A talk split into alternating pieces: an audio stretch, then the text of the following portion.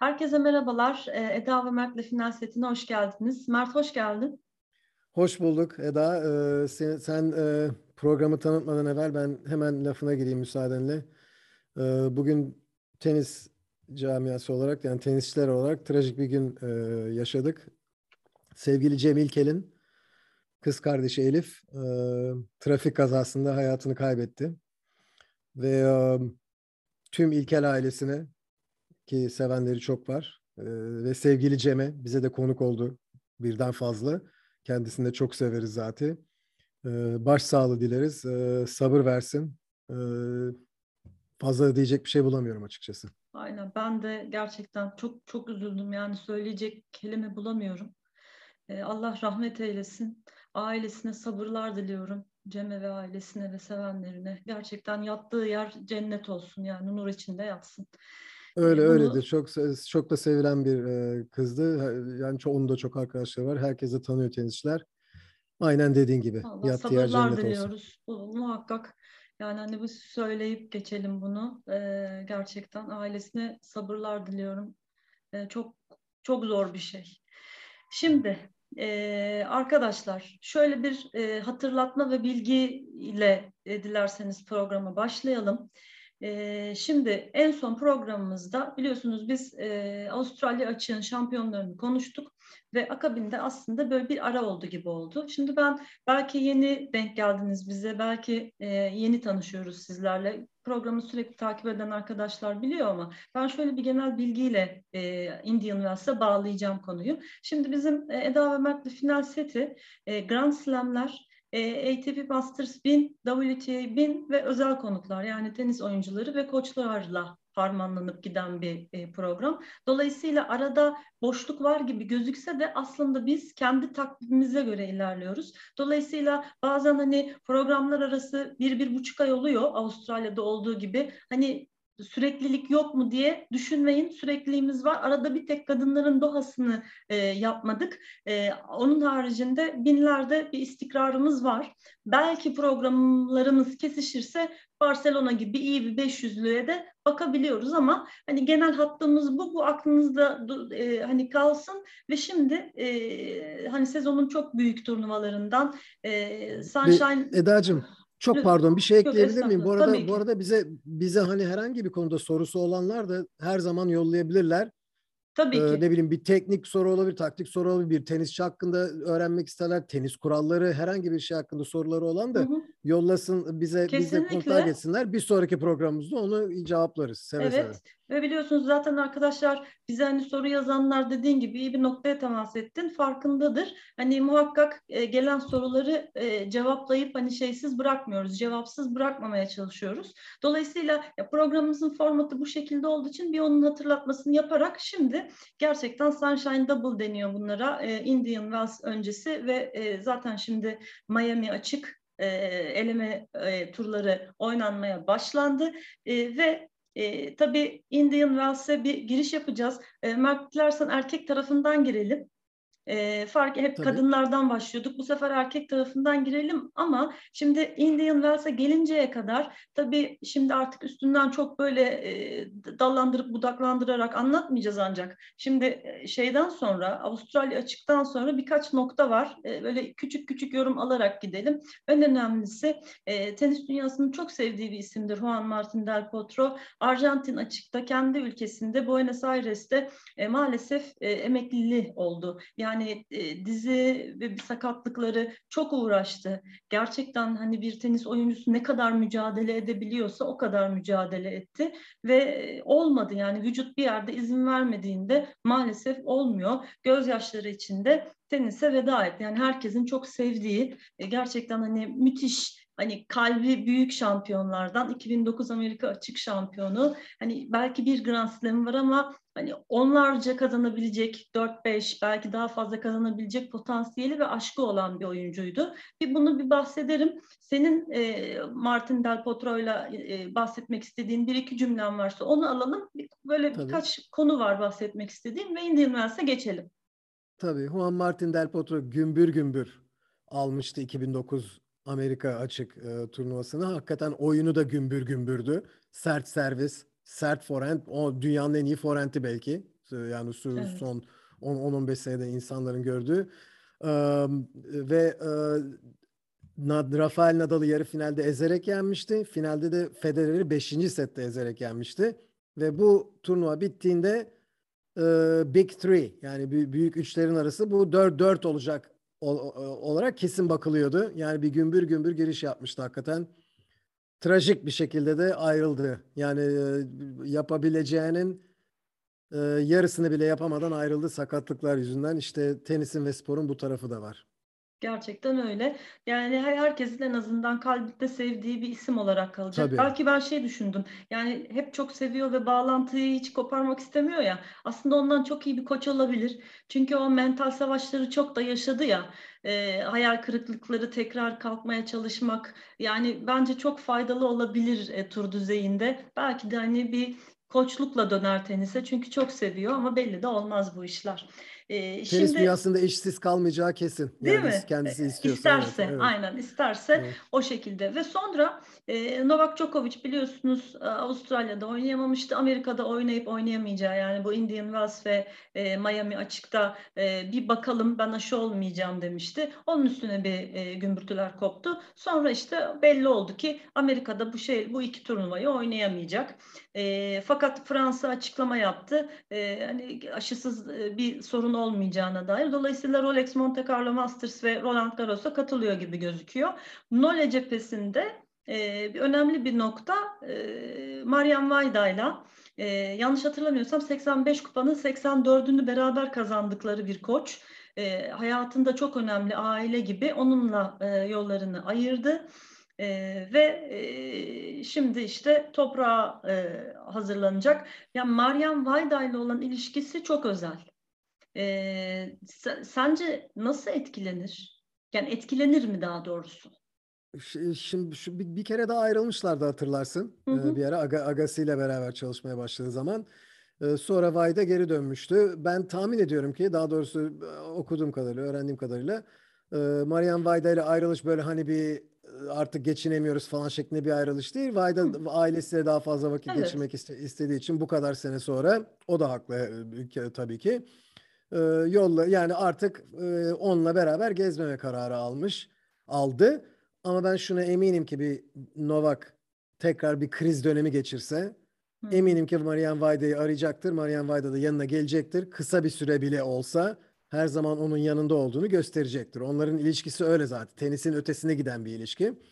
Onun için ben e, çok da fazla e, Novak adına e, yani hı. Novak Novak taraftarları hani bir panik yaşıyorsa yaşamasınlar yani bu konuda. Evet. Ama eminim ki Vayda bir telefonla e, anında konuşabileceği bir uzaklıktadır Aa. veya hatta döndüğünde Sırbistan'a beraber olacaklardır eminim. Doğru dedin çünkü gerçekten aile gibiler şey mesajları da öyleydi yani hani ayrılırkenki mesajları da her zaman ailemsin ki şeyde de böyle oluyor. Mesela Darren Cahill de Simona Halep'le gerçekten aile gibi arkadaş gibi. Ama Kale'ın da artık hani hem onların karantina meselesi yüzünden çok zorlu zamanı hem ailesi sebebiyle bir ayrılmıştı ki Anisimova ile de ayrılmış tabii. Kadın tarafına geçince yine konuşuruz. Böyle de bir e, bölüm e, yaşandı arkadaşlar. Bu arada tabii Geçtiğimiz 3 hafta boyunca Danil Medvedev bir numaraydı ama bugün itibariyle açıklanan listelerde Novak Djokovic yine bir numara. Yani Miami ve Indian Wells, oynam, Indian Wells oynamadı ve Miami oynamayacak ama yine o haliyle e, Nole bir, e, Danil iki numara. Ve bir güzel not daha yani umutlandıran Andy Murray ona Grand Slam kapılarını açan e, muhteşem Ivan Lendl'la tekrar birleşti. O da güzel. Çünkü Andy Murray daha fazlasını başarmak istiyor ve Ivan Lendl da aslında ona çok iyi gelmiş bir koçtu. En azından mentalite ve oyun açısından. Ve hani bu şekilde bir dizilimle Şimdi Indian Wells erkek tablosuna yaklaşacağız ama tabii şöyle önemli de bir şey oldu. Ee, yani Rusya'nın Ukrayna'ya e, yaptığı bu işgal sonrasında doğal olarak dünyanın bir haklı tepkisi oldu. Ancak bu tepki şöyle bir noktaya evrildi e, Rus sporcuları bazı dallarda yarıştırmamak gibi bir şey oldu. Hatta teniste bile konuşuluyordu. Fakat burada şöyle bir e, yol bulundu. Rus ve Belaruslu oyuncular e, ülke ismi ve bayrak olmadan normal turnuvalarına katılabiliyorlar. Davis Cup düzeyinde artık yarışmayacaklar. ve işte Moskova'daki e, turnuva vesaire iptal oldu. Şimdi buraya da tabii ki Medvedev, Rublev, e, işte ne bileyim Pavlyuchenkova ya da Azarenka bayraksız ve e, şeysiz Rusya e, ya da işte Belarus yazmadan geldiler. Tabii bu oyuncularda da bir travma yarattı. Yani e, muhakkak ki işte nasıl Elina Svitolina da Ukraynalı olduğu için bir e, travma var. Ama bence bu oyuncularda da var ki yine onu biraz daha detaylı dilersen konuşuruz. Ee, sen bu şeye nasıl bakıyorsun? Yani bana bir orta yol çözüm gibi geldi. Hani katılsınlar ve çünkü katılmamalarını ben çok absürt e, buluyordum açıkçası. E, hatta dedim yani bir ülkenin e, hani hükümetinin yaptığı bir şey neden onun sporcusunu, sanatçısını, yazarını işte e, etkilesin? Yani bu insanlar ne yapacaklar yani? Hani Andrei Rublev mi karar verdi e, Ukrayna'nın işgaline falan gibisinden bir şeyler yazmıştım. Bana Rusçu dediler. İnternette böyle yazınca sizin de ne Rusçu varmış falan yazdılar da hani Rusçulukla falan alakası yok kafam almamıştı. Bu bu iyi bir orta bir çözüm. Yani katılsınlar e, ve e, gerçekten hani ülke ismi yazmasın. Ama bu sporcularda da bence travma var. Hem Danil'de hem e, Andrei'de. Şimdi turnuvanın içinde gene konuşuruz. Varsa bir iki yorumunu alayım. Sonra turnuvaya erkek tarafından bir bakalım. Yok çok çok güzel özetledin. Tek ekleyeceğim şey e, senelerce Malek Caziri Tunuslu oyuncu. Malek Caziri turnuvalarda Dudisele'ye çıktığında İsrailli oyuncu veya başka bir İsrailli oyuncuya çıktığında hükümeti tarafından izin verilmediği için çekiliyordu turnuvada. Yani çekiliyordu, maçı kaybediyordu. Walkover'la işte ya da şey diyordu. E, bacağım sakat ondan çıkmıyorum ve maça çıkmıyordu. Rakibi de Düdüsel'de walkover'la geçiyordu. Düdüsel ile Malek Cezri çok iyi arkadaşlar. Yani bunun dışında. Ama ikisi de durumu anlıyor. İşte Tunus hükümeti, İsrail hükümeti bilmem ne falan diye hükümetten emir geliyordu ve bu benim herhalde son 10 senede gördüğüm e, teniste en absürt e, durumlardan biriydi politik yani hükümetlerin aldığı bir karar yüzünden sporcular e, faaliyetlerini yapamıyorlar. Bu da aynı şey olurdu eğer böyle bir karar alınsaydı. İyi ki alınmadı. Evet. Ee, Rus oyuncular oynayabilecek. Ee, hakikaten absürt kelimesi e, çok yerinde senin kullandığı. Tamam. O zaman şimdi şöyle bakalım.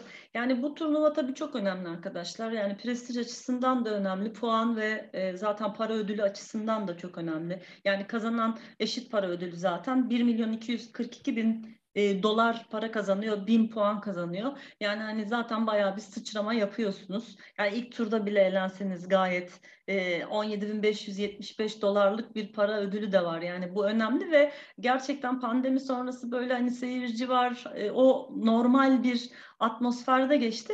O yüzden keyifliydi. Şimdi e, dilersen bu turnuvayı şöyle e, ele alalım. E, şimdi final e, finalden biraz geriye doğru e, bakarsak daha kolay gider. Çünkü bir haftayı böyle masaya yatırmanın şu an ben çok bir şeyini görmüyorum. Bir yani. haftadan Her, fazla. Bir haftadan evet. fazla oldu. Yani üç gün elemesi var. İşte toplam iki hafta gibi düşünün. Üç gününü çıkın. Dolayısıyla hani tek tek maçlara zaten bakmanın şu an bir şeyi yok ama Taylor Fritz'le yani dün geceye dönelim. Taylor Fritz ve Rafael Nadal e, final maçına çıktılar çıkmadan evvel şöyle bir şey olmuştu. Bu arada Taylor Fritz'in koçunun ben Paul Anacon olduğunu bilmiyordum. Ee, çok da şaşırdım çok çünkü çok e, değerli bir hoca. Ee, şöyle bir haberler geldi arkadaşlar. Dendi ki antrenman e, sırasında sabah sağ ayak bileğini burkmuş ve hani çok kısa kesmiş. Ee, ondan sonra işte hani durumu nasıl belki maça çıkacak çıkmayacak. E, tabii bu arada Rafael Nadal bir gün önce acayip bir maç oynamış ki bence aslında finale yakışan maç. E, onu e, zaten geleceğiz bir güzel detaylı bir senden Alcaraz şeyi istiyorum. E, ne derler profili. E, orada bence yani harika bir maçtı o. E, orada öyle bir maç geçirmiş ama biz mesela Nadal'da herhangi bir sakatlık vesaire hani beklemedik. Acaba yorgun olur mu falan derken e, hani işte, turnuvanın şampiyonu. Ben hani en son söyleyeceğimi ilk söyleyeyim. E, iki sette 6-3, 7-6 Rafael Nadal'ı yenen e, Taylor Fritz oldu ve e, ilk sete böyle bir 4-0'la falan girince herkes bir ne oluyor falan dedi ama Rafael Nadal'ın sonra e, maç sonrasında zaten e, sağlık molası falan da almıştı. Gördük ki gerçekten nefes almasında bir sorun var. Ne olduğunu tam bilmiyor ama kaburgalarım mı dedi başka bir konumu bilmiyorum. Ona bakılacak. Böyle iğne batması gibi bir şey hissettim. Çok ağrı yaptı dediği bir açıklama var ve gerçekten hani Rafa e, bir şekilde gününde değildi o acıyla da beraber.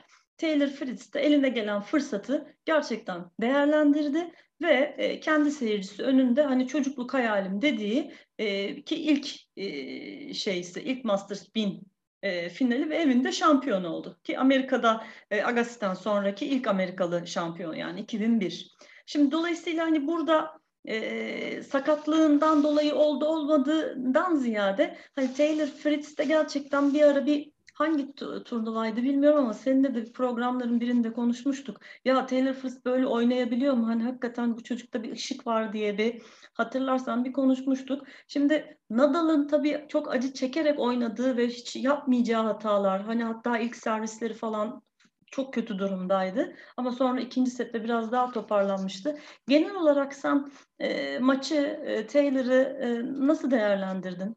Ee, ve tabii Taylor'ın sözünü kesmeyeyim. Ee, Taylor'ın tabii yol bu yolda gelirken e, mesela önümde ben şeyleri çıkardım. Ee, işte yarı final Rublev, e, çeyrekte Kecmanovic, e, ondan önce Alex de Minaur, e, Jaime Munar, e, ve bunları yenerek geldi. E, Rafa'da e, Alcaraz maçını ayrıca konuşuruz ama e, Carlos Alcaraz'la e, geldi, Nick Kyrgios'la oynadı. Yani aslında hep e, insanı, bünyeyi çok yıpratacak güçlü oyuncular bunlar. E, Opelka keza öyle. Yani e, öncekilerde Dan Evans'la Sebastian Korda'ydı ki Korda da 3. sette 2-5 geriden gelip yendi Nadal. Yani Nadal'ın yolu biraz daha böyle onu yıpratıcı, yorucuydu bence. E, Fritz'in bence çok uygun bir kurası. Yani kura bence onun tam dişine göre ve o da bu fırsatı değerlendirdi. Bir, ben sana şeyi sormak istiyorum. Bu kadar bu çerçeveyi çizdim ki hem arkadaşlar bizi izleyenler kafamızda bir şekillensin, bilgileri bir toplayalım. Şimdi bunun üstüne konuşalım. Ayağı bu kadar kötü olan bir oyuncu. Yani işte sonrası maç maç sonu açıklamalar da öyleydi. İşte ekibim dedi ki hiç çıkma işte fizyom e, Polanakon dedi ki asla oynamam ama ben hani kendi seyircim önünde böyle bir çıkmama şeyini alamam. Ne derler hani ne diyeceğim seyirciye bir sorumluluk hissetmiş okey. Böyle bir durumda hani bu kadar burkan biri hiç ayağında bir sorun yoktu. Biraz abartılmış mıdır? Ee, bir herkesin çünkü aklında böyle bir hani şeyler döndü. Bir bu. iki Fritz dediğim gibi kurasını ben çok olumlu buldum. Sen nasıl değerlendirdin? Ee, şeyde maçında e, Rafa'nın evet çok bence ağrısı vardı ve bu hani çok normal bir maç olmadı benim e, görüşüme göre. Hani sen nasıl değerlendirirsin genel oyununu ve Rafa ile ilgili olarak da yorumlarını rica edeyim. Sonra bence özellikle e, şu Rafa'nın Alcaraz'la olan maçına bir girelim. Yani ve hani böyle heyecanlandığın, senin de şu Eda şu maçtan da bahsedelim dediğin maç olursa erkek tarafında bir de ona bakalım. Tabii. Evet Alcaraz Rafa maçını ayrı olarak konuşmakta evet. fayda var. E, Taylor Fritz'e gelince Taylor Fritz hatırlıyorsun geçen sene e, bir diz ameliyatından mıydı? Minisküs ameliyatından evet, mı? Bir mucizevi bir şekilde 3 3 haftada 4 haftada dönmüştü. Biz Ve de tekrar çok gülmüştük. Bu nasıl no, oynadı da öyle diye. Evet, evet, biyonik diye. Biyonik. Demek ki e, bu, bu da çok ilginç. Çünkü bütün dediğin, senin de gayet güzel özetlediğin gibi bütün antrenörler e, orada tesiste bulunan fizyolar hepsi hep birazdan oynamaman gerekir dediler. İşte burada nereye geri dönüyoruz? Ee, ben Fritz'in biraz diplomatik olduğunu düşünüyorum. İşte kendi seyircim önüme çıkmazsam olmazdı falan diyerekten. Burada olay yine şeye geliyor. Bir, bir oyuncunun, bir tenisçinin vücudunu en iyi kendisi tanır. Yani ve orada Fritz acılar içinde olup da korta çıkıp koşamayacağını bilseydi maça çıkmazdı. Demek ki Fritz'te bir, öyle bir iyileşme oldu ki sabahtan maç saatine kadar veya maç saatinden bir saat iki saat evveline kadar Fritz dedi ki kendi kendine ben oynayabilecek durumdayım. Belki yüzde yüz oynayamam ama bu maçı oynayabilecek durumdayım. Oynayabilecek durumdaysanız da genelde maça çıkmak ister tenisçiler. Çeşitli sebepleri vardır bunun.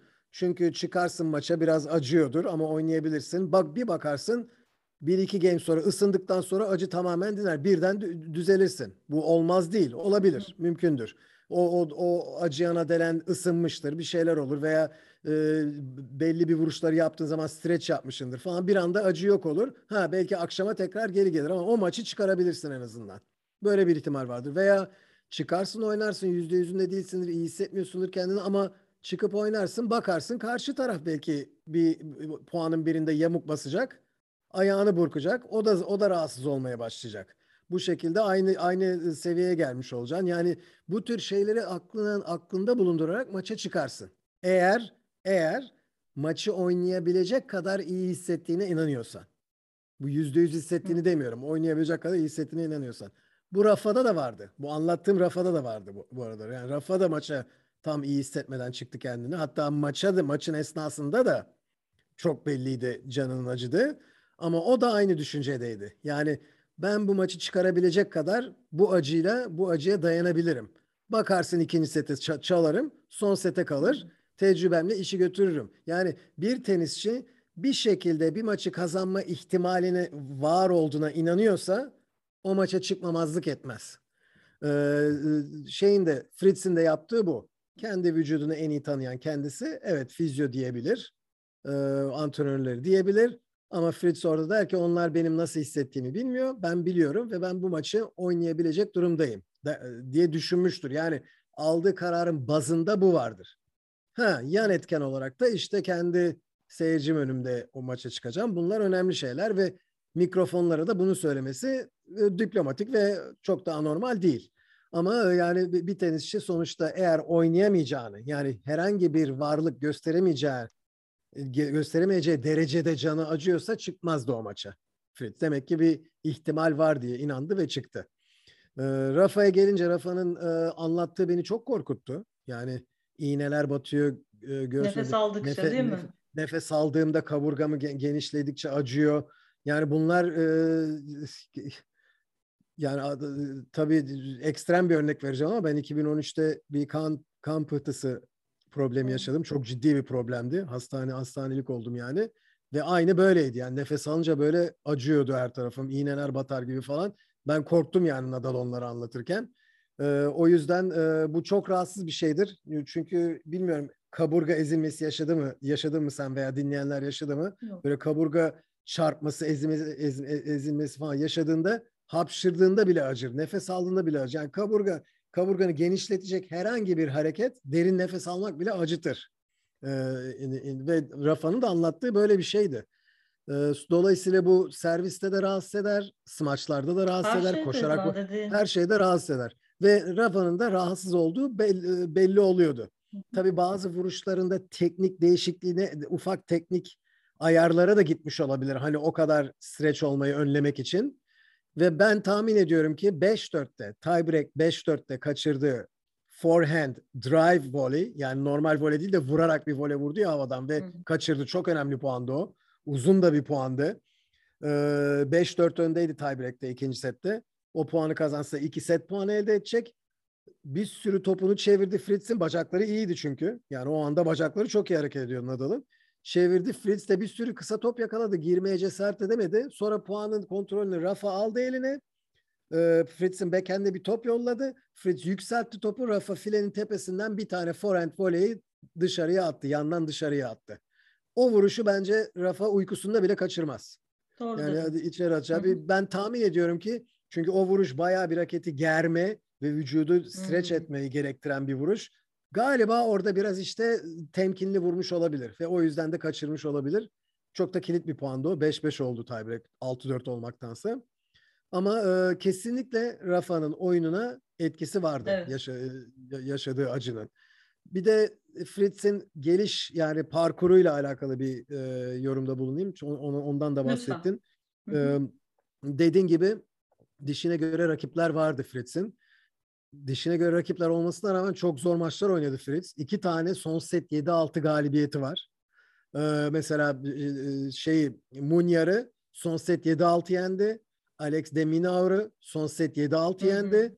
Ama bak dediğin doğru. Bunlar sonuçta Alex de Minaur'la Jaime Munyar e, Fritz'in kafasında Amerika'da sert sahada ben bunları yenebilirim. Yenerim değil mi? Şeklinde çık evet, çıkan, çıkacak oyuncular. Evet Hı-hı. yani sonuçta kurası dediğin gibi şeye kadar yarı finale kadar ki orada Rublev'le oynadı. Hı hı. Ee, Rublev formda oyuncu ama bir boyutlu oyuncu. Fritz'in evet. bu arada oyunu hakkında da bir yorumda bulunayım Lütfen. hemen çabucak.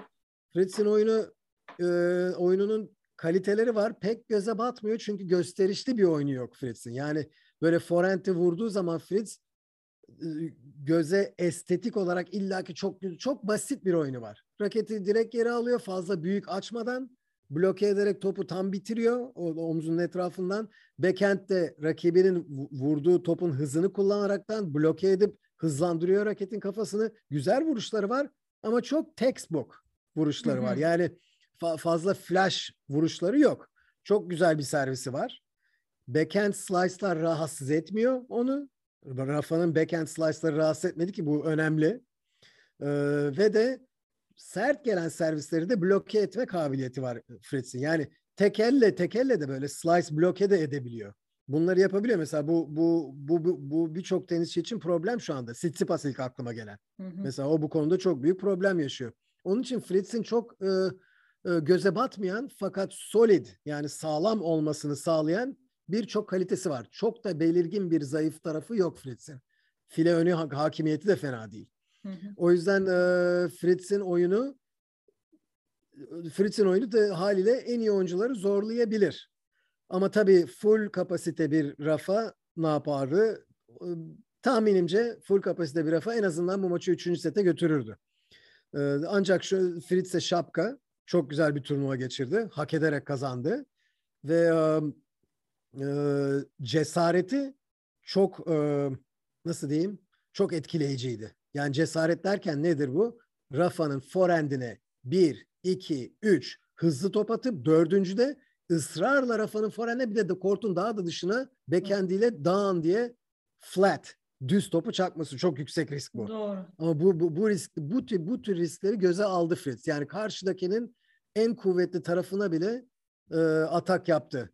Rublev'le de bunu aynı şekilde yaptı.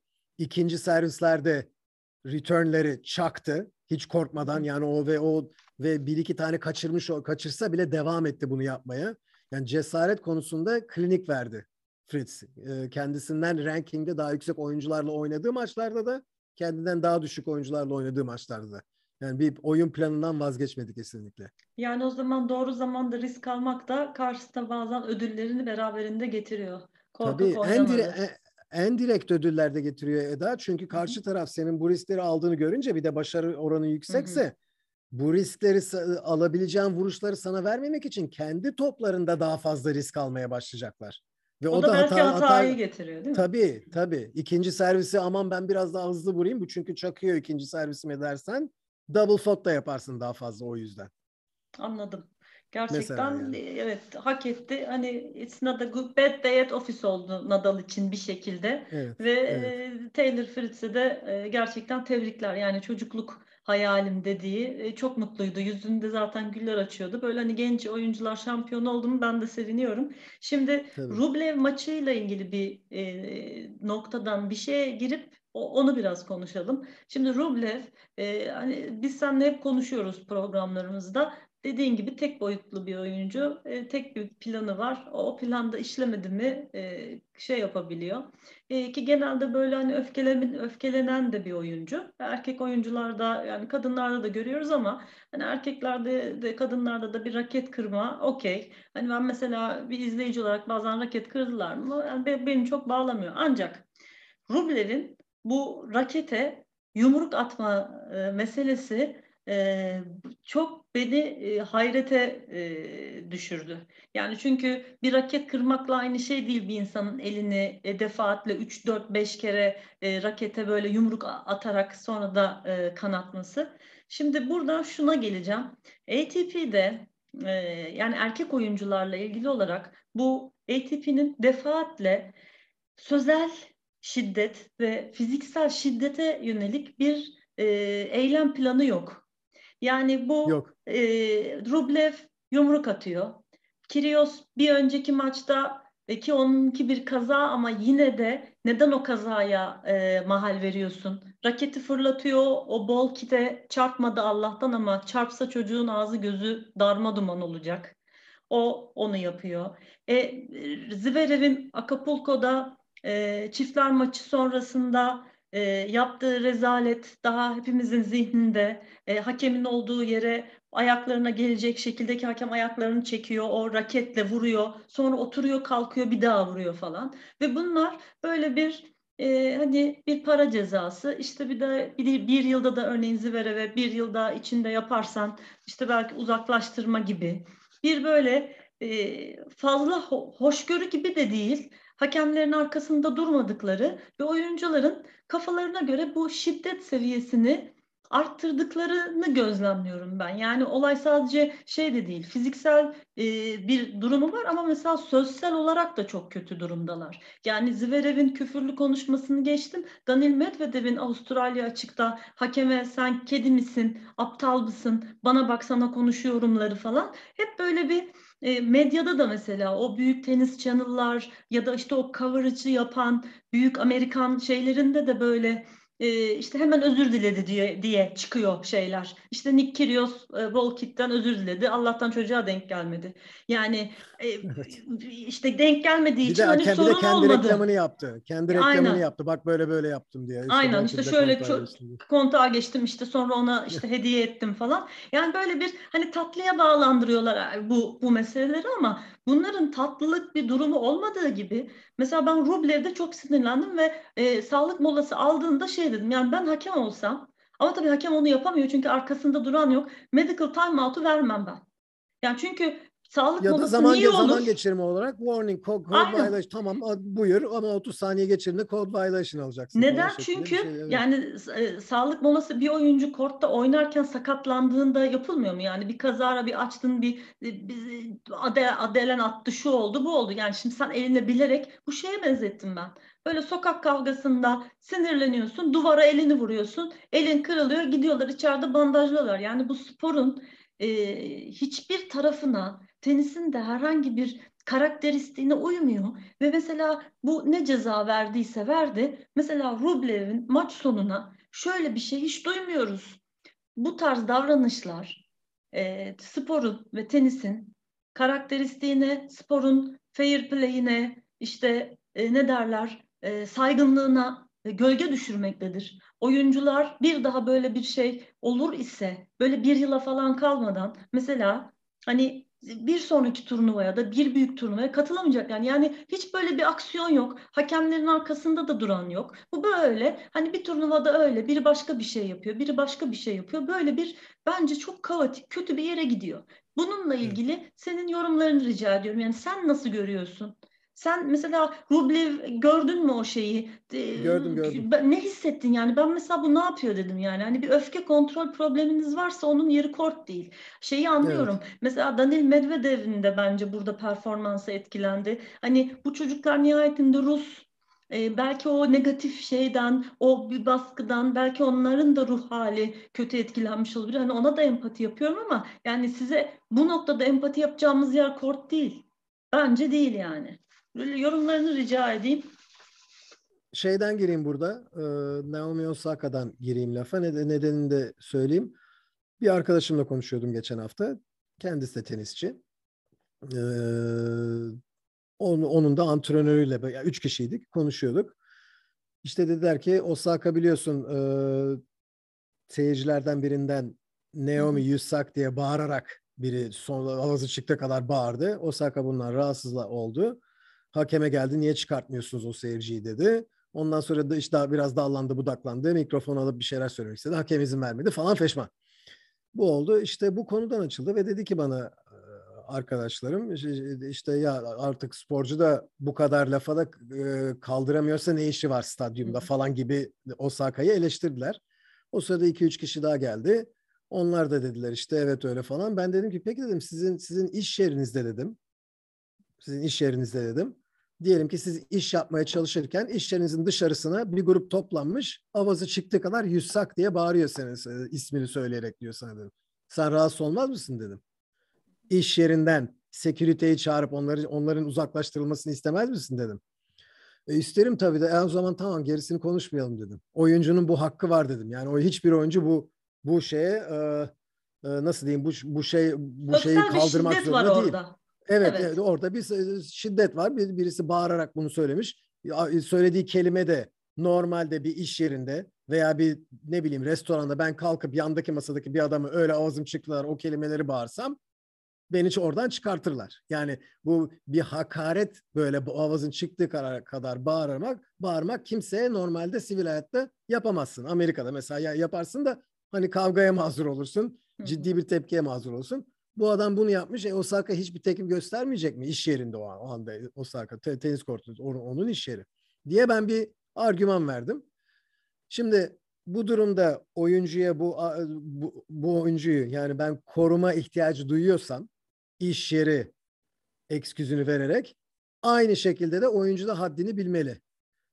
Yani şimdi Nick Kyrgios'un yaptığı raketi dibine kadar yere vurup kafamdan atıyorum bir iş yerinde sen her tepen attığında önündeki bilgisayarı arıp böyle alıp son gücünle yere vuruyor musun? Çok iyi yani onun, oldu bu. Onun, onun parçaları etraftakilere sıçrasa bilmem ne falan yani yapıyor musun? Yapmıyorsun.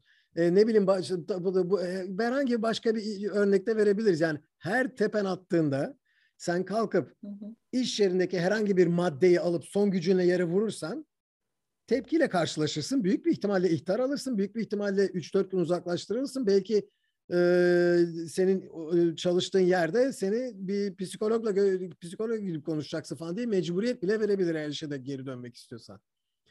ATP'de dediğin gibi bunlara hiçbir yaptırım yok. Yani maç en fazla maç default ediliyor. Ee, ne bileyim e, birisi hakemi vuruyor. Shapovalov 2017'de hakemi gözünden vurdu. Sinirinden evet. bir tane topu attı. Hakemi Doğru gözünden bak. vurdu. Evet hakemin gözü yaralandı. E, maçı kaybetti. O kadar. Yani bunu kesinlikle başka bir yaptırım olmuyor.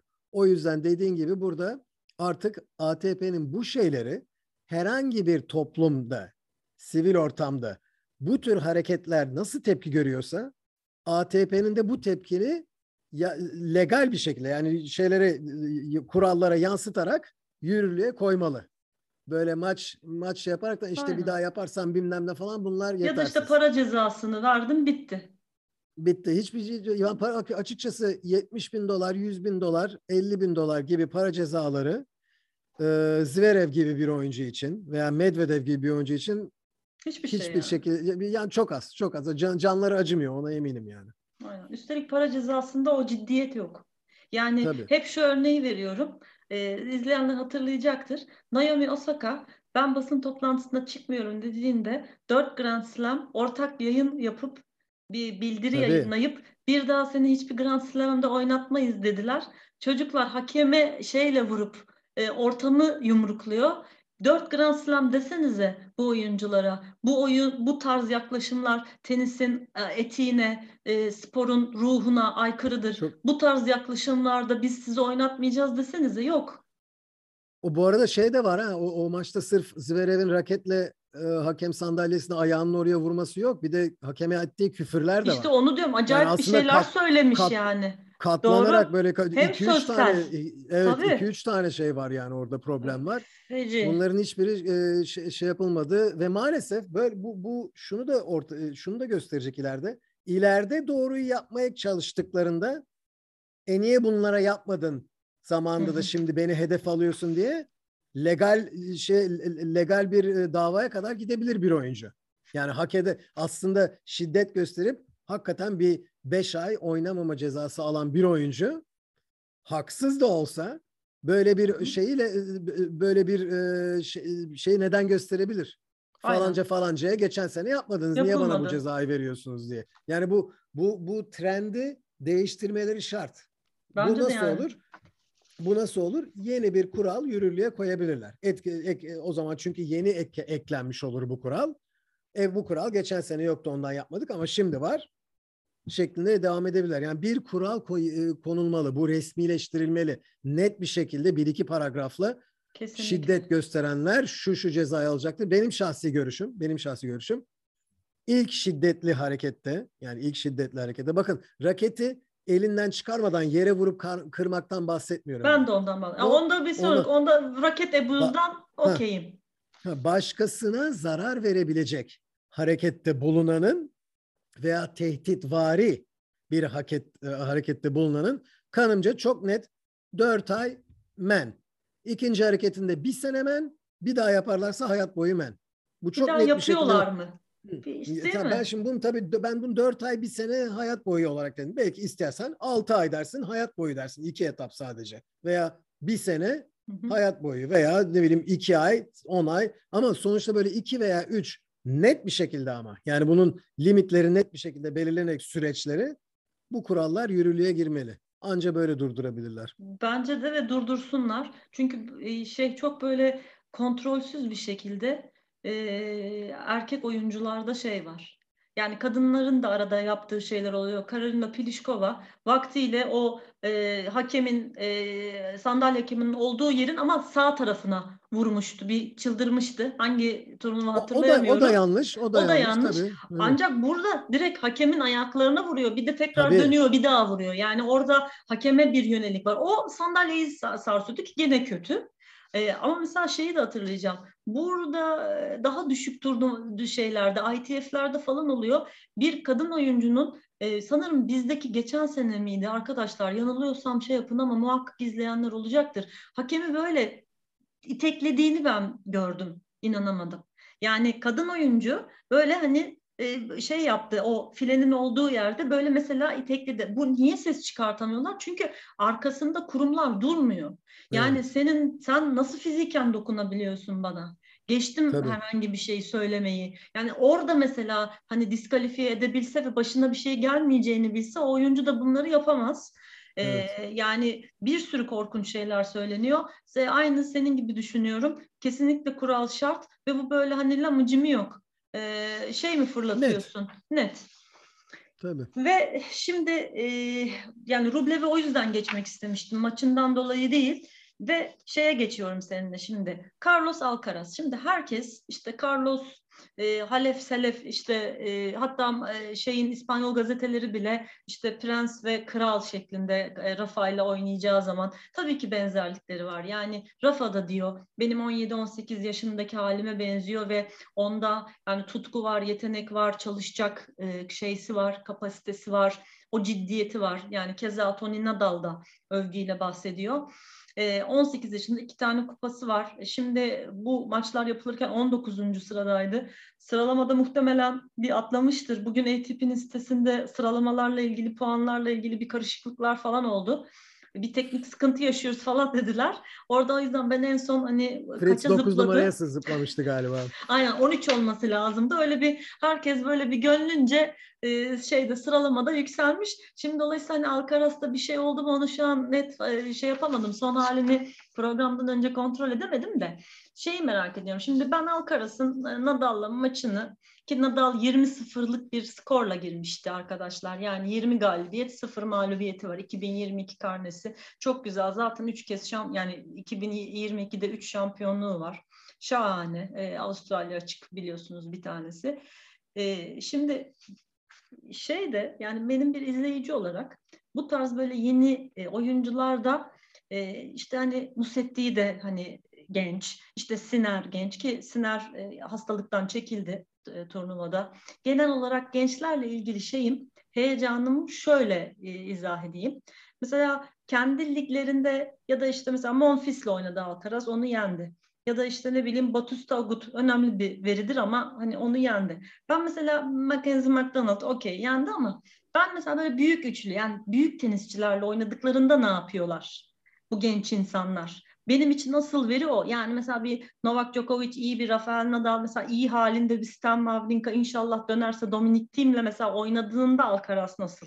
Benim hani asıl sıralandırmam, kafamda oturtmam o şekil oluyor. Şimdi o yüzden Rafael Nadal maçı benim için önemliydi. Ben çok beğendim. Ee, güçlü ama kontrollü vuruşları, e, servislerini de beğendim, forehand'ini de beğendim, kort yerleşimini beğendim. Yani bir şeyle oynuyor ne derler? Hani güçlüyüm, bam gün vuruyorum değil. Çocuğun kafasında gerçekten bir oyun planı var. Oyun yani anlayabiliyor.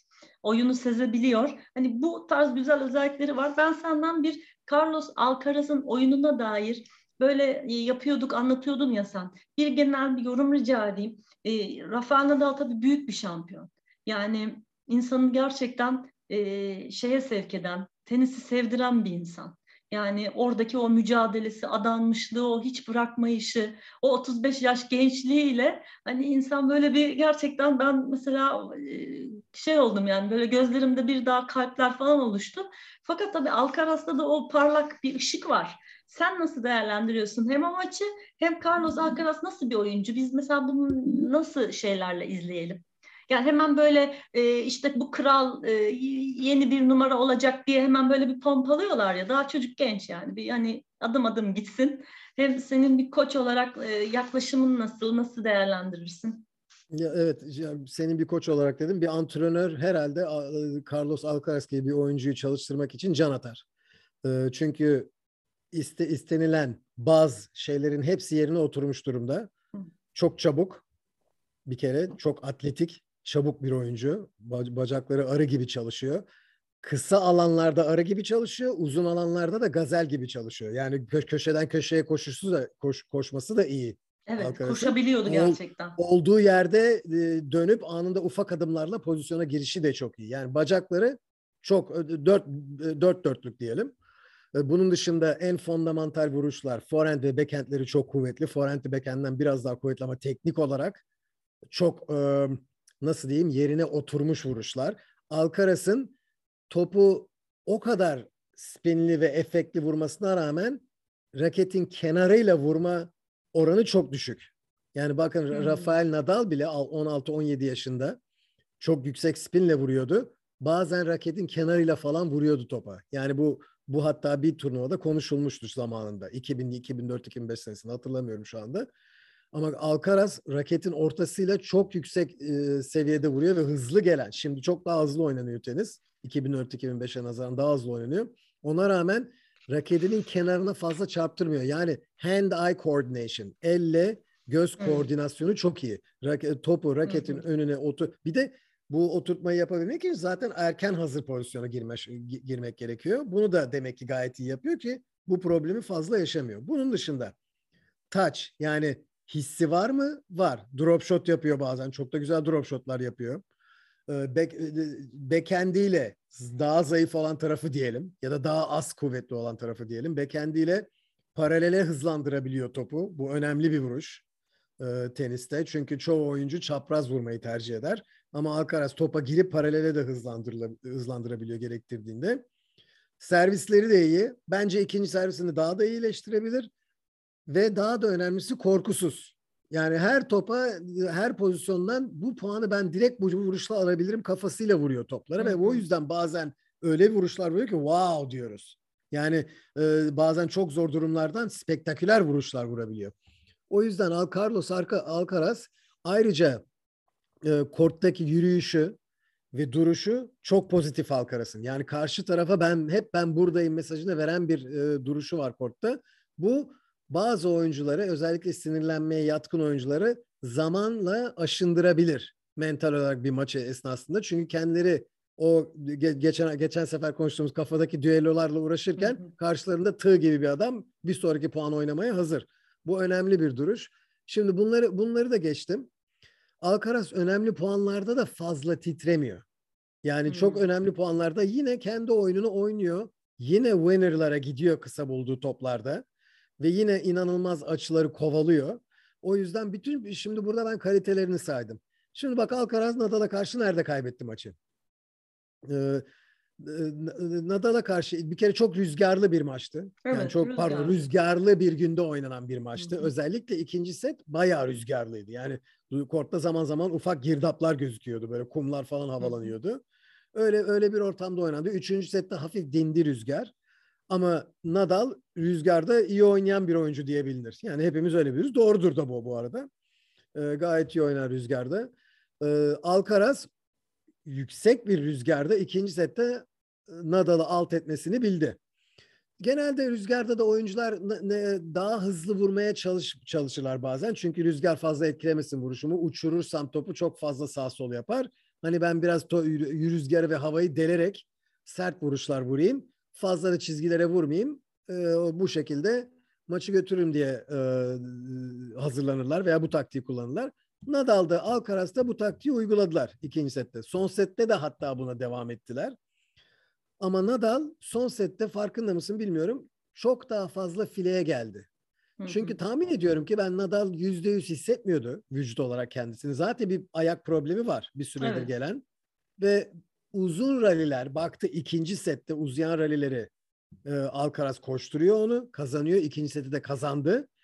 Alcaraz'ın hızını nasıl kesecek? Puanları biraz daha kısaltarak biraz daha belki açılar kullanarak yani Alcaraz'ı kortun dışarısına daha fazla e, çıkarıp boş alanlar yaratıp oralara winner'lar, direkt e, puanlar kaza- vurarak kazanmak veya drop shot'lar veya fileye gelmek. Bu paket Nadal'da Alcaraz'ın yaşındayken yoktu. Hmm. Bu şu anda anlattığım paket. Bu opsiyon yoktu Nadal'ın. Yani geriden çok sağlam oynayarak kazanıyordu Nadal. Alcaraz'ın da şu anda bu opsiyonu pek gelişmiş değil.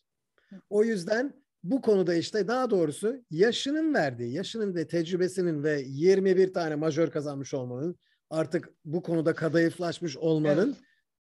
E, avantajını Nadal kullanarak bu maçı aldı. Çünkü fileye gelmeye başladı. Anormal şekilde ikinci sette.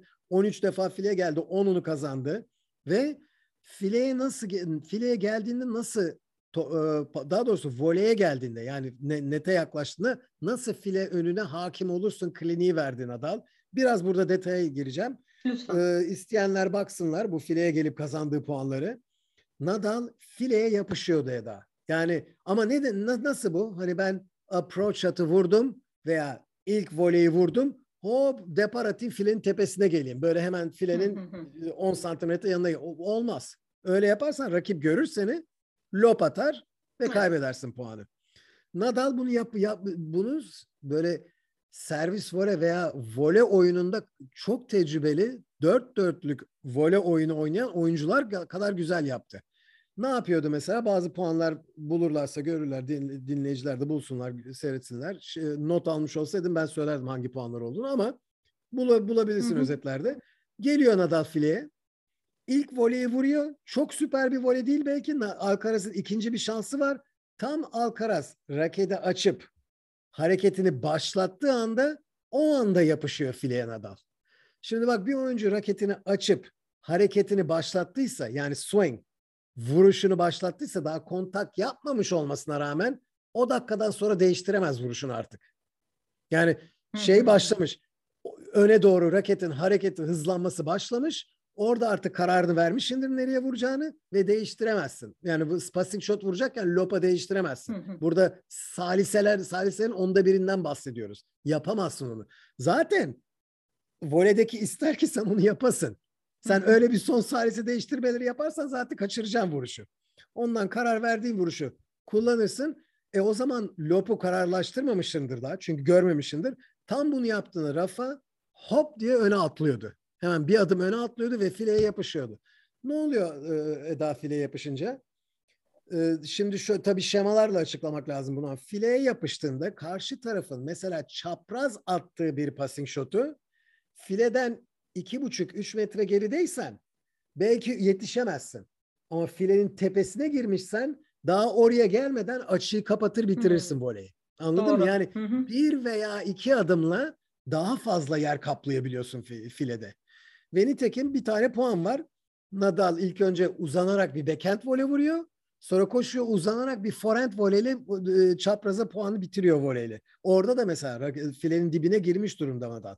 Filenin dibine girmenin bir avantajı daha var. Çok imkansız uzağına bir top gelirse böyle atlayarak o top hareketini uzatırsan belki raketinin kenarına falan çarpar bir şekilde yetişirsin ve yine filenin üzerinden rakibin e, sahasına hmm. düşer. Kortuna düşer eğer fileye yakınsan fileden uzak kalmışsan, gerilemişsen o zaman bu olmaz. O, de, o dediğin gibi topa belki yetişirsin ama filenin kendi tarafına düşer top. Çünkü filenin fileye yaklaşmamış Doğru. olsun. Yani birkaç böyle gözle görülmeyen avantajları vardır. Rafa bunu çok iyi yaptı. Yani filede geçilmesi imkansız bir hale getirdi olayı.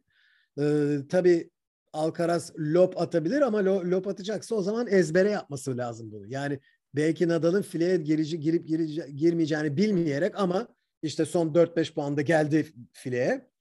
Her seferinde yapıştı. Ben bu sefer onu bir görmesem bile lobu atacağım. Evet, de, bunu diyebilir. Ama işte tekrar e, geri geliyorum. Alcaraz daha 19 yaşında. Yani bu bu kadar e, şeyleri o anda düşünemeyebilir. Doğru. Onun belli bir oyun taktiği var. Haliyle genç de o da e, o oyun taktiğini bitirmeye çalıştı ama burada Nadal'ın kazanmasının sebebi son sette tamamen ustalığı, tecrübesi ve o ve o kadar sene oyununda geliştiği de diğer opsiyonların var olması kendisine. Kesinlikle. Çok çok güzel özetledin. Teşekkür ediyorum. Şimdi e, yani böyle konuşunca e, aslında bakarsanız bir işte Danil Medvedev'in e, Gael Monfils'e elenip e, daha fazla ilerleyemediği için hani bir numarayı kaybettiğini bir söyleyebilirim.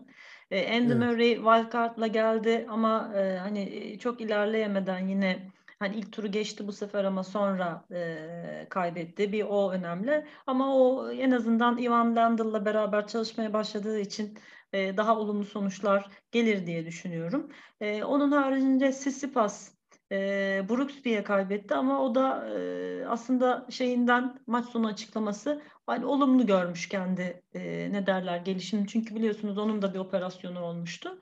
E, Cameron evet. Norrie de geçen yılın şampiyonuydu erkeklerde ama o da e, Alcaraz'a yenildi. Dolayısıyla hani erkekler tarafında e, benim e, bahsetmek istediğim bu kadar. Yani senin özellikle bir oyuncu ya da maç varsa onunla ilgili yorumunu da alıp sonra e, şeye geçebiliriz dilersen. Evet, yo ben sana ben sana bir soru sorayım meraktan. Ee, mesela sen Alcaraz'ı Siner veya diğer genç oyunculara Hı-hı.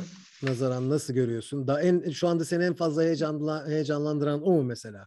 Ya şimdi... En gençlerden bahsediyorum. Şeyden demiyorum. Mesela Medvedev, e, Tsitsipas ha, gibilerinden onlarla bahsediyorum. aynı yerde değil zaten hani yaş Hı-hı. olarak da. Şöyle bir şey hissettim ben. Dediğim gibi ben böyle büyük oyuncuyla oynadığında nasıl oynadıklarına bakıyorum. Alcaraz'ın e, Rafael'le olan maçından dolayı bir heyecanlandım. Yani evet. Yannick Sinner'in daha vakti var gibiydi hep böyle bir bir nokta böyle sanki böyle bir tık bir şeyin atması gerekiyor gibi. Alcaraz'da o yoktu yani alabilirdi dediğin o bazı alabilirdi. tecrübesel şeylerden Sitsipas'ı alamadı. Da, Sitsipas'ı da yendi galiba değil mi? Ee, şey, Alcaraz şu, şu anda e, şeyde Vallahi... e, Amerika açıkta mı Avustralya açıkta mı 5 sette yendi. Sonraki bir sonraki maça çıkamamıştı 5 set oynadığı için uzun maç oynadığı Fener için. mi? Yok Alcaraz, Alcaraz. mı? Doğrudur. Evet. Hani şu an hani hiç açıkçası aklımda değil. Ama e, evet. bu Alcaraz bende yani erkek şeyinde tablosunda açıkçası bende bir heyecan yarattı. Yani ben Rafa'ya karşı Kesinlikle. böyle oynayan bir oyuncu 18-19 yaşında e, şahane yani. E, yarın öbür gün e, Danil Medvedev olsun, e, Sissipas olsun hepsinin belalısı olur. Yani eğer e, bu yolda böyle devam ederse çok büyük dert yani büyük tehlike e, onlar evet. açısından. E, evet şeyde e, şimdi şimdi merak etmiştim baktım sen konuşurken. Hı hı. Pardon lafını kestim. Sen Yok estağfurullah ben bir şey demiyordum. Yok şey şey söyle. diyecektim işte şeyde Amerika açıkta 3. turda Alcaraz yendi. Sitsipas'ı Sitsipas yendi ve Sitsipas maçtan sonra ben hayatımda topa Alcaraz kadar sert vuran oyuncuyla oynamadım demişti. Böyle bir tabii maçın etkisiyle söylemiş olabilir mi? Ama sert vuruyordu sonuçta. yani onu gördük. Yani Çok en azından vuruyor. Rafa maçında bu çocuk nasıl böyle vuruyor diye gerçekten de Feci güçlü. Sert vuruyor. Feci değil mi? Evet, yani hani evet. top bayağı bam gün. Bam gün bir de şey diyeceğim. Şimdi sen dedin ya hani korttaki duruşu pozitif. Karşıya öyle şey vermiyor. E, kafa odaklı. Bir de mesela e, davranış olarak da pozitif bir çocuk. Yani ben evet. böyle aynı o Nadal'ı çok örnek almış belli. Böyle ne çok büyük öfkeler ne böyle bir e, absürt sevinçler yok. Gayet e, daha böyle hani ayakları yere basan e, tam böyle sevdiğimiz o belli büyük şampiyon olacak kumaştan e, yapılmış gibi bir çocuk ama hani tabii bak, bakmak lazım yani yıllar içindeki tabii, tabii, tabii evrimine ama çok güzel yani gösterdiği şey parlak. Evet. Şimdi bak evrinden bahsettim. Mesela bak Alka, Alcaraz bir veya iki sene sonra biraz daha yani çok, çok uzun değil hemen evet, önümüzdeki evet. aylarda bile olabilir bu. Mesela şunu artık yapmayacak. Bu maçta 4 4 4'te 30-15 önde Alcaraz kendi servisinde. Yani son set ucu ucuna gidiyor. Baş, başa baş gidiyor. O 4-4 game'ini double fault'la başladı. 0-15 geri düştü ama sonra iki güzel puan 30-15 öne geçti. 30-15'te Rafa fileye geldi. Alcaraz çok güzel bir çapraz passing shot attı. Ayaklarının dibine Rafa'nın. Rafa, Rafa uzanarak ayağının dibinden bir backhand voley çıkardı. Ta diğer köşe köşe ta diğer köşeye ki çok usta bir vuruş. Yani Ee, şey ve, ve ben dedim bu büyük bir ihtimal, ihtimalle özetlere girmeyecek bu dedim bu voley dedim. Çünkü başka puanlar girer. Evet. O voleyi oturttu derine Alcaraz kortun içine girip girerken birden geriye gitmek zorunda kaldı. Kaybetti o puanı. Bir sonraki vuruşu kaçırdı. On, ondan sonra onun şokunu mu yaşadı bilmiyorum nedir. 7 puan üst üste kaybetti ve maç bitti.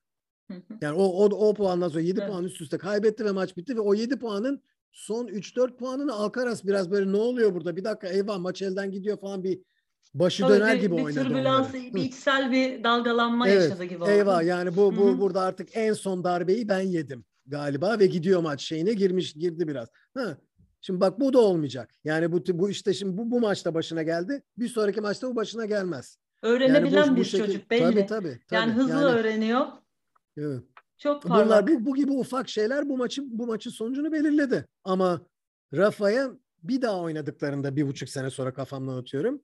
Rafa, Rafa artık böyle şeylere böyle şeylerin böyle şeylerle maçı kazanacağını sanmaz. Yani daha fazlasını Hı-hı. yapması gerekecektir Rafa'nın. Doğru. Yaş da artıyor tabii. Yani tabii. nihayetinde karşısındaki 18-19 yaş hızı, gençliği, atletizmi olan biri. Yani ki Rafa hani çok atletik, çok e, şey bir oyuncu o manada. Ama yine de fark eder yani aralarında 15-16 yaş var. Şimdi ben e, açıkçası Alcara Alcaraz benim toprak sezonuna olan heyecanımı biraz da arttırdı. Yani bir bir kat daha arttırdı. Bakalım ne olacak Kesinlikle. toprak sezonu yani evet. geldiğinde. Evet. Şimdi o zaman şöyle bir iki notu paylaşarak e, devam edeyim ve e, erkek tarafına geçelim.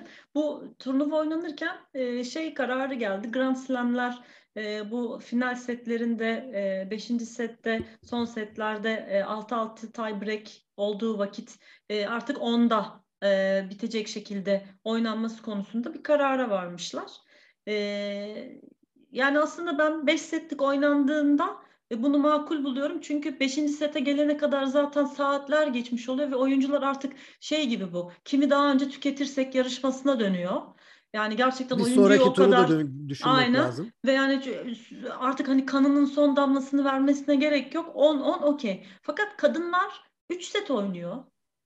Yani kadın açısından bana şey geldi yani neden onu onda bitirsin ki kadın zaten 3 set görüyoruz o da şey yani 2-0 da bitirebilirdi hepsi 3'e gitmeyecek. Ee, 9-9'a gidebilirler onlar mesela değil yani, mi? 9-9'da oynasınlar tabiriye mesela kafamda 12-12'de ya da evet. 12-12. Zaten kaç maç gidiyor ki oraya işte Eda? Evet. Yani sonuçta 100 maçtan bir tanesi ya gidiyor ya gitmiyor 12-12'ye yani. Evet o yüzden onu Doğru bilemedim. söylüyorsun. Bilemedim. Evet. Bir onu söyleyeyim. Erkeklerle ilgili Stan Wawrinka e, Challenger'la dönüyor. Marbella'da oynayacak. İlk defa 2021 Mart'tan sonra bir artık o da bir korta bir adım atsın. Yani inşallah gerçekten onun da rehabilitasyonu çok uzun sürdü. Dominik Thiemin de herhalde inşallah dönebilecek toprak sezonuna onunla ilgili şeyler var ve çok sevdiğimiz e, canım Roger Federer de geçenlerde eline bir raket almış.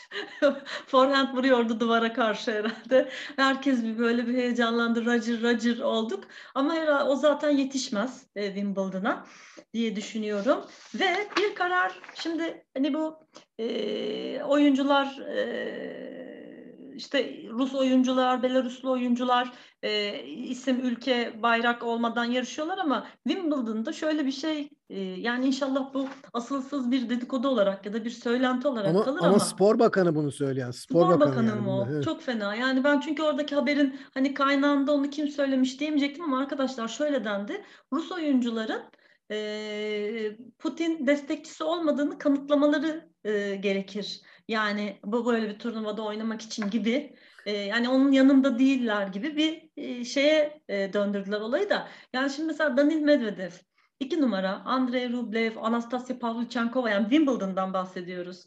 İşte o zaman Victoria'yı, Azarenka'yı falan da söyleyelim. Kudermetova'yı koyalım. Yani bir sürü oyuncuları var şimdi nasıl destekçisi olmadığını kanıtlayacak. Yani ne desin? Orada bir sürü herkesin ailesi var, malı var, mülkü var. Yani illa Monte Carlo'da ya da işte İsviçre'de yaşıyor diye hani ben çok sevmiyorum Putin de bir Allah'ın cezası. Zaten hani deli mi desin, diktatör mü desin, ne desin, nasıl kadar, kanıtlayacak? Bu, bu kadar abuk sabuk bir istek ben hayatımda duymadım. Bunu söyleyen spor bakanı ama ama yani böyle bir şey yapmayı düşünüyoruz falan gibi bir şey dedi. Ben tam ümit ediyorum ki kamuoyu puanı toplamak için böyle bir demeçte bu demeç, demeçte bulundu. Hakikaten uygulamaya koymazlar inşallah. Bu kadar abuk sabuk bir şey duymadım ben hayatımda. Yani Yani bu ne olacak Yani bu? o- Bu ne demek yani? o, o bir- birisine zorla bir şey söyletmek kadar saçma sapan bir şey olamaz turnuva oynaması için yani. Çok korkunç bir de yani bahsettiğiniz ülke Rusya yani bir nevi hani mesela. Peng Shuai meselesinde Peng Shuai kayıp. Evet. Hani seninle kaç program konuştuk. Şimdi yani Evet. ne de- ne diyecekler yani bu insanların e, hem hem çok bana zorlama çok zorba geldi. Hem Ya olacak şimdi bir iş desinler değil yani. e, işte desinler Wimbledon o zaman bir, hiçbir Çin oyuncuyu kabul etmiyoruz. Peng Shuai konusunda kınama demeci vermedikleri sürece falan gibi bir şey Hı. demelerine benzer bu. Bu kadar saçma sapan bir şey olur mu? Evet çok absürttü. Bunu da bir söyleyeyim ve kadın tarafına geçeyim. Geçeyim mi? Var mı eklemek istediğim bir şey? Yok.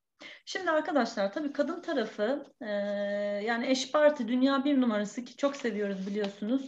E, Avustralya açığı da kazandı. Kazandıktan sonra Eş Parti'nin şöyle bir huyu var. Yani e, kendini mesela ben hani hep bir numarada kalacağım, kalmak zorundayım gibi streslere sokmadan tamamıyla kendini nasıl iyi hissediyorsa bedenen, ruhen mesela aileyle vakit geçirmek mi istiyor?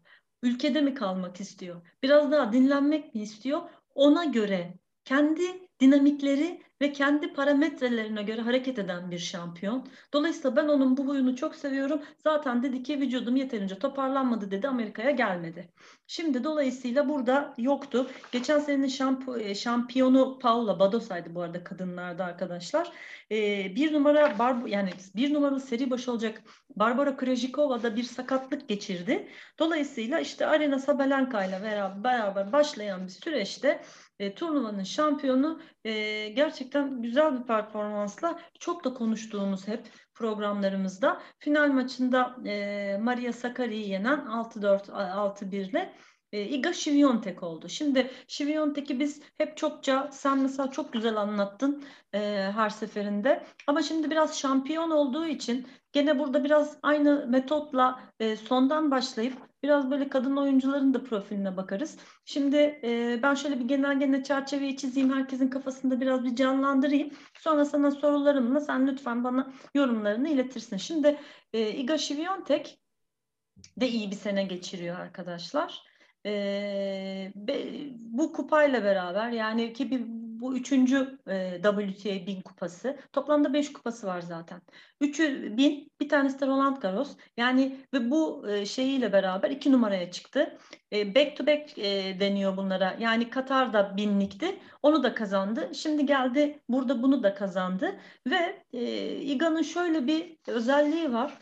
Gerçekten maçın içine girdiğinde e, eğer iyi bir başlangıç yaparsa rakipler açısından çok acılı bir e, şey oyuncu. Yani böyle 6-1 6-1 6-1 6-0. Yani Dövüldüğünü hissediyorsun. Ha, Evet. Çok güzel. Gerçekten böyle hani tokatlayıp yumruk yiyor gibi yap, yapıyor. Eğer böyle iyi başlar, tam fokus olur, güzel bir giriş yapabilirse rakibin hiç şansı olmuyor. Gerçekten skor öyle. Hani bazı şeyleri 3 sette kazandığı oldu ama gene 6-1 6-0 yaptığı da e, açıkçası oldu. Madison Keys e, ile mesela öyle bir maçı var. Şimdi e, şöyle bir şey söyleyeyim. Sondan giderek bakayım. E, yarı finalde Halep. Önemli bir rakip. Ki Halep'in kendi açısından aslında güzel bir geri dönüş. Yani yarı finali görüyor olması güzel. E, onun öncesinde Madison Keys, e, Iga'nın e, Angelique Kerber'le oynadı. E, mesela Clara Towson'la oynadı. O maçta dedim ben hani bam gün neler olur. E, ve e, şeyde de Kalinina ile oynamıştı. E, ilk turu bay geçmişti. Maria Sakkari de e, finalist. O da ilk defa bir WTA 1000'de final oynuyor. Zaten bir önceki maçta gözyaşlarını yani yarı finali Badosa'yı e, e, yani bir önceki yılın şampiyonunu yenince gözyaşlarını tutamadı. Dedi ki hani benim için çok önemli. Çünkü ben hani bunları hiç düşünmüyordum buralara gelebileceğimi. Hani örneğin 8 ay önce benim için bir hayaldi. Şimdi çok mutluyum dedi. Sakarya'da e, Ribakina'yı, e, Savil'i e, ve mesela Kivitova'yı e, geçerek geldi. Güzel bir turnuva geçirdi ikisi de. E, fakat mesela 6-4, 6-1 ilk e, set böyle karşılıklı herkes birbirini kırıyordu. E, hatta böyle çok yakın geçti. Fakat işte Iga bir yerde kilidi kırıp geçince ikinci sette Maria hani offline oldu diyorum ben. e, bir türlü o e, hani şeyinin içine giremedi gibi. Ne derler? Hani o kortta karşı tarafta kendine bir yer bulamadı gibi hissettim ben izlerken ki hiç kopmadı. Yani zihinsel olarak çabalamadıktan vazgeçmedi, koşmaktan ya da hani olumsuz bir tip görmedim ama Şiviyontek o şekilde geçti. Bir, şimdi senden isteyeyim e, sen nasıl değerlendirdin bu kadın maçını? Hem Iga'nın e, hani genel olarak hani hep güzel anlattık ama şimdi şampiyon olduğu için bence yine böyle bir e, şöyle bir profilinden bahsetmeni rica edeceğim. Bir de mesela Sakari ne kadar değerli, güzel de bir gelişim gösteriyor. Yani Yunanistan'dan ve e, herhalde o da 3 numara yanlış hatırlamıyorsam şimdi bu yeni e, listelerde. Evet. Müthiş bir başarı. Yani Stefanos'la beraber çıktılar. Stefanos bir ara Maria'dan çok daha hani başarılar görüyor gibiydi. Maria biraz daha ama ikisi de nihayetinde Yunanistan'dan çıkan önemli değer. Bunlar çok e, şeyler. Böyle bir başlayalım. Sonra turnuvada birkaç tane daha konuşmak istediğim e, şeyler var. Senin ekleyeceklerinle de kadınları da konuşur kapatırız. Evet kadınlar finali bence e, maalesef hatalar üzerine kurulan bir final oldu. Daha doğrusu yani belli bir belli noktalarda daha az hata yapan, daha sağlam duran maçı kazandı. Hatta kanımca Sakkari ikinci sette standartın çok altında oynadı. Yani bir, bir hayli altında oynadı. Ee, tabii Şiyontek de e, bundan faydalanıp kendisi belli bir standartın altına düşmedi. O da çok iyi oynamadı ama belli bir standartın altına düşmeyerek her zamanki sağ sol vuruşlarını yaparak e, maçı kazanmasını bildi. Sakkari'nin forendi iyi işlemiyordu ki bu onun için büyük handikap. Çünkü o forendiyle oyunu kuran bir oyuncu Sakkari. Servisleri de pek iyi işlemiyordu ama Şiyontek'in servisi de işlemiyordu. Yani o da da o da çift hatalarla başladı maça. Nitekim 2-1 geri düşü, geri düştüğünde maçın başında da iki defa kendi servisini kaybederek çift hatalarla yani o hale düştü Şiyontek. Ee, bundan faydalanamadı Sakkari. Yalnız Şiyontek bir şey iyi yapıyor. Ee, off balance yani şeysiz, dengesiz pozisyonlardan çok iyi vuruşlar vuruyor. Dengesiz pozisyonlardan dediğim ne? İşte aya arka ayağı üzerinden, topukların üzerinden geriye düşerken, vücudu geriye hmm. düşerken dikkat et böyle Şiyontek'in böyle üstüne hızlı top geliyor. Geriye düşerken şöyle elinin kafasının arkasında bitirerek vurduğu forentler var. Bu forentleri normalde Hı-hı. kaçırması lazım bir oyuncunun. Şiyontek bunları kaçırmıyor. Kaçırdığı kaçırmadığı gibi de bir zor zor şeye de zor yerlere de to- atıyor topu. Bu ne demek? Şiyontek'in bilek hakimiyeti çok yüksek demek ki. Yani vücudunu topa eklemesi illaki gerekmiyor. Yapıyor mu onu? Onu da yapıyor bu arada. Mesela bazen Şiyontek'i backhandler vururken görüyorsun bütün vücudu yüklenmiş şekilde. Yani e, omuzuyla beraber tam topa eğilerek böyle backhandler vuruyor. Öne doğru giderek. Bunları da yapan bir oyuncu. Evet. Yani power tenis, yüksek, güçlü, hızlı tenisi iyi yapabilen bir oyuncu Şviyontek zaten ve rakiplerini öyle yeniyor. Bunalta bunalta. Yani boğarak yeniyor. Biraz evvel dediğimiz gibi e, sanki bazen rakiplerin korttan çıktığında silindir mi geçti üstümden falan gibi hisse hisse kapılabilirler. Öyle kazanıyor evet. Şuyontak yani ve bunu 11 maçtır yapıyor bu arada. Doha'yı evet, da kazandı çünkü. çok iyi başladı evet. Ve bu, bu maçların çoğunu e, bu şekilde kazandı ama zorlandığı maçlar da oldu. Nitekim Halep maçına geleceğiz birazdan. Orada bayağı kritik puanlar yaşandı orada ama Maria Sakkari ile olan maçında bence fark e, ikisinin de iyi oynamadığı bir anda 2-1 2-1 geriye düştükten sonra ki 5-4'e kadar olan bölümde Şuyontek'in Sakkari'nin biraz oyununu yükseltmesine rağmen pes, deme, pes, pes etmeyişi, daha doğrusu pes etmeyişinden ziyade rallilerde kontrolü fazla vermeyişi Sakkari'ye ve, te, ve her zaman ilk e, hamlenin ondan gelmesi yani direksiyonu eline alan kendisiydi. Vites değiştiren ve daha proaktif bir tenis oynadı. Masakkari daha reaktif bir tenis oynadı. Yani daha tedirginli bir tenis oynadı. 5-4'te geldik. 5-4'te Sakkari bence çok kötü bir, bir, bir game oynadı. Bol hatalı. 6-4 oldu. Ondan sonra ben orada biraz hayal kırıklığına uğradım. Yani ikinci setin bu kadar çabuk geçeceğini ben beklemiyorum. Sakkari'nin oyunu biraz yükseleceğine düştü. Daha da düştü. Şuyontek daha mı iyi oynadı? Bence hayır. Yani yine o standartını korudu ilk sette kurduğu standart ki o çok yüksek bir standart değildi. Bir evvelki maçlarındaki standartı bulamadı. Hı hı. Ama Sakkari kesinlikle e, kendini bulamadı. Dediğin gibi maçı bırakmadı. Sakkari'nin en büyük e, özelliklerinden biri o. Zaten Sakkari'nin geldiği yer birkaç sene evveline nazaran inanılmaz bir ilerleme. Senin de dediğin gibi. Hak ediyor da. Çok çalışkan kendisi. Ne kadar turda kendisini tanıyan oyuncu varsa hepsinin ağzından çıkan laf dibine kadar hak ediyor lafıdır. Yani bunun bir varyasyonudur tabii yani. Ama e, e, hepsi Sakkari taraftardır bu konuda yani. E, o yüzden kendisi e, bu maçta kötü oynamış olmasına rağmen başarı finale kadar çıkmış olması. Fakat Şiyontek daha usta hareketti. Evet. Bütün bu hafta boyunca. Bütün bu hafta boyunca. Öyle bir de zaten hani e, hep konuşuyor ve e, aslında bayağı da e, bence e, faydalı bir şey. Mental olarak bir oyuncunun gelişiminin ne kadar değerli olduğunu, kendisinin de spor psikoloğuyla hep sürekli olarak turnuvalarda oluşunu, bununla ilgili konuşarak o bariyerleri de biraz kırıp aslında e, şey olarak da gö- görüyoruz kortta. Yani oyundan evet, düşme de... işi. Tabii, ee, tabii.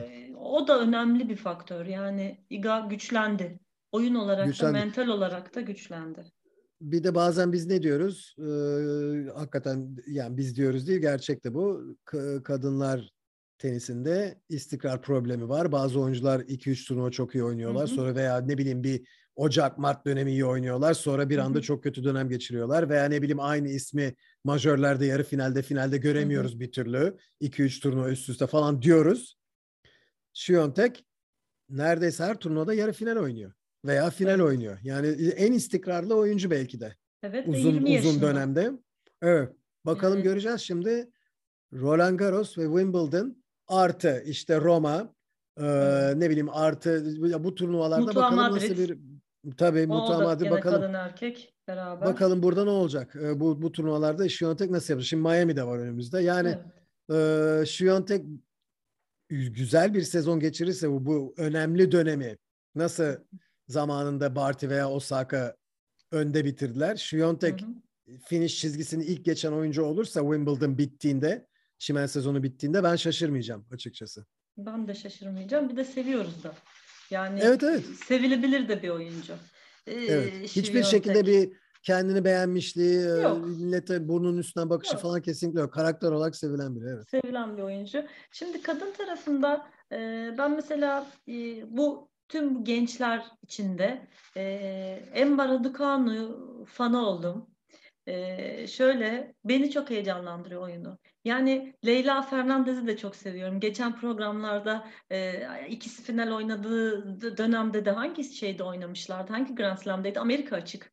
Amerika açık. Amerika açık. Orada da çok heyecanlanmıştım ama şimdi Emma'yı burada özellikle bir seyretmek istedim. Fernandez'e e, maalesef denk gelmedim e, şeylerinde e, ne derler Badosay'la olan maçına izleyemedim ama e, Emma'nın o iki maçını da izledim.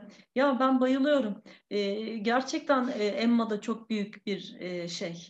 Yani çok büyük potansiyelle o da resmen rakipleri böyle yani bir aşam daha doğrusu aşama değil de tecrübeyle. Acele ettiriyor. Acele ettiriyor. Değil yani mi? şu an yaşı küçük. E, o tecrübe gelecek. E, fakat acayip bir e, güç bu teniste. Yani böyle eğer mental olarak kırılmaz böyle devam eder o geçiş güzel yaparsa yani elinden kimse kurtulmayacakmış gibi bir oyunu var. Yani bende bıraktığı şey bir de çok böyle keyif alarak oynayınca e, seyirciye de geçiyor yani onun o keyfi. Petra Martic maçını ben mesela çok beğendim. Kaybetti ama çok hoşuma gitti. Yani çok böyle ufak tefek şeylerden gitti 3. sette. Yani Garcia maçı da keza öyle ki Garcia çok tecrübeli bir raketti.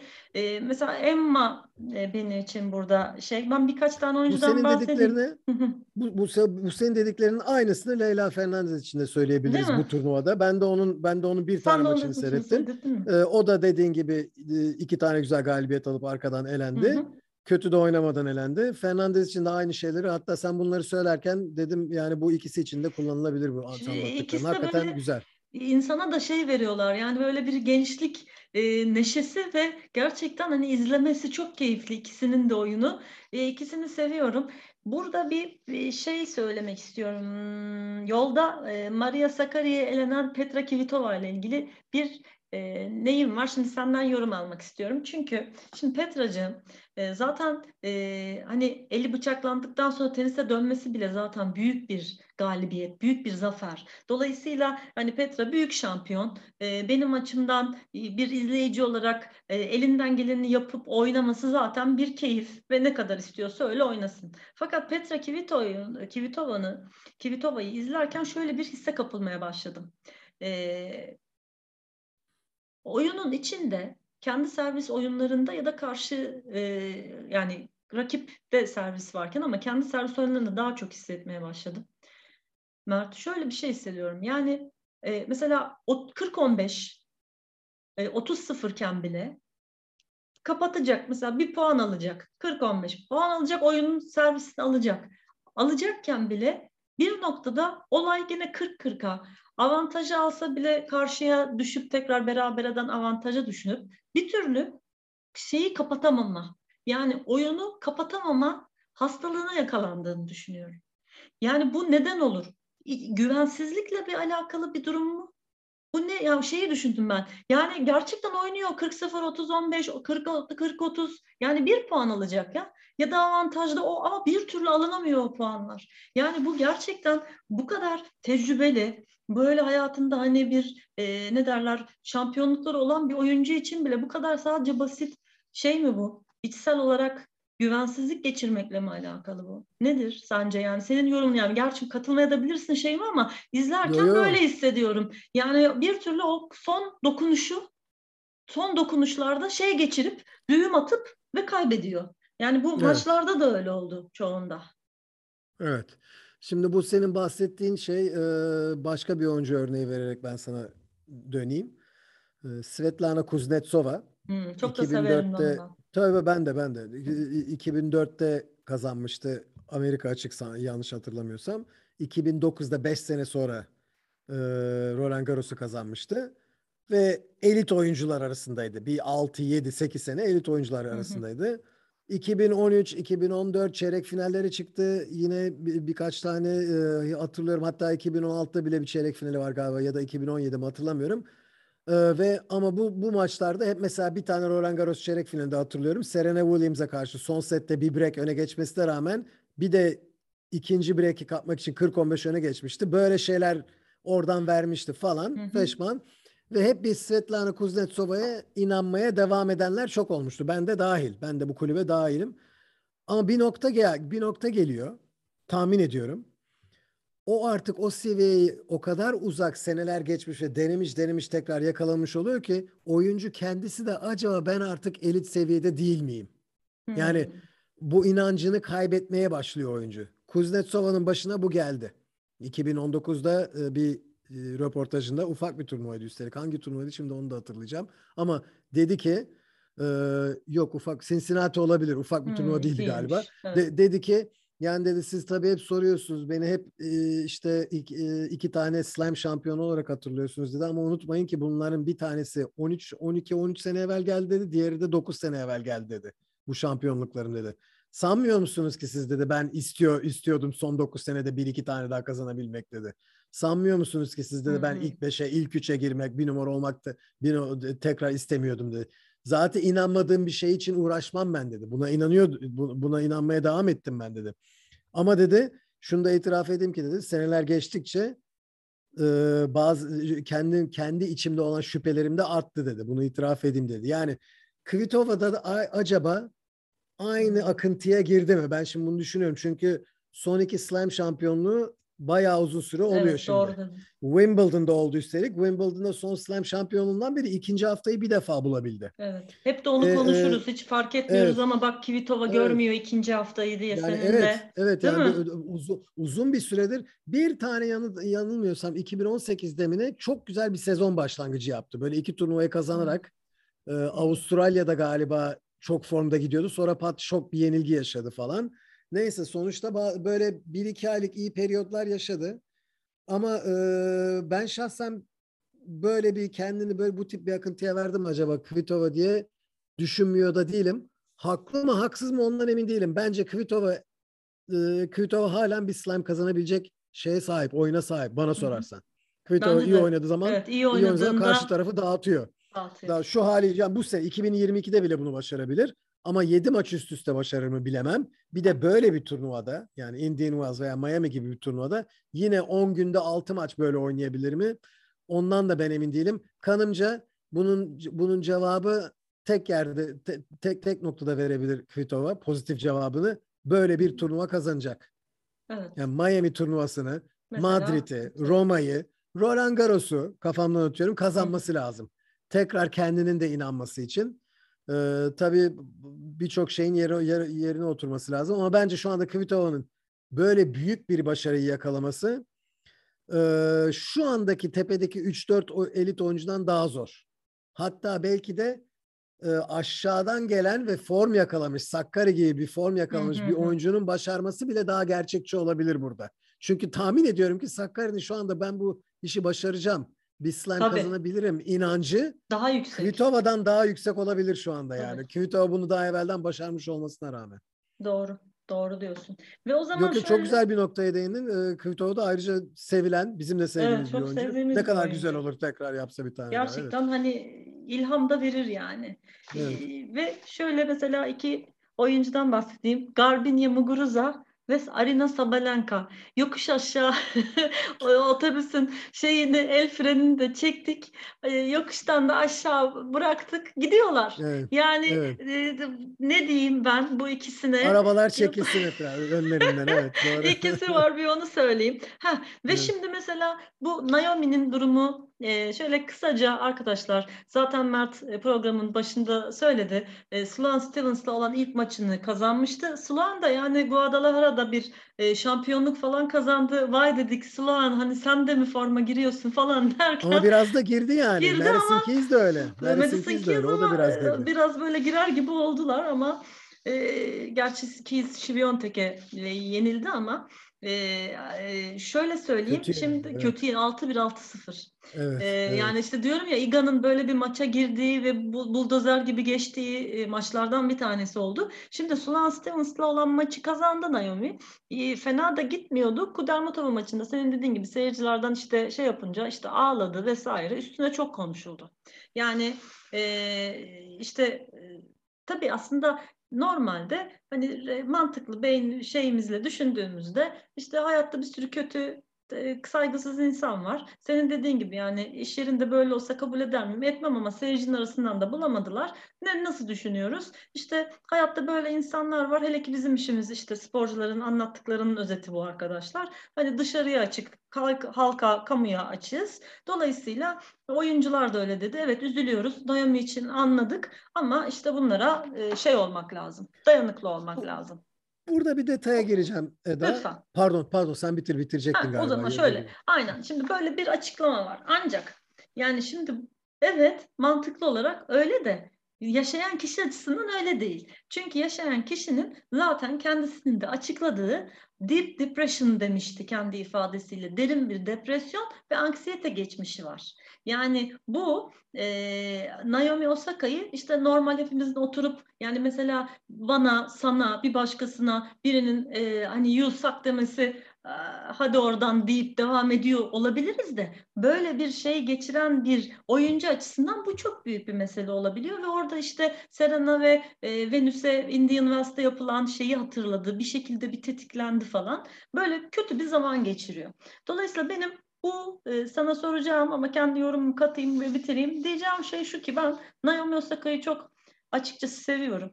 E, ve bence tenis için yani eşi bulunmaz e, yeteneklerden biri olduğunu düşünüyorum. Ama hani e, zor bir duygusal şeyden geçiyor.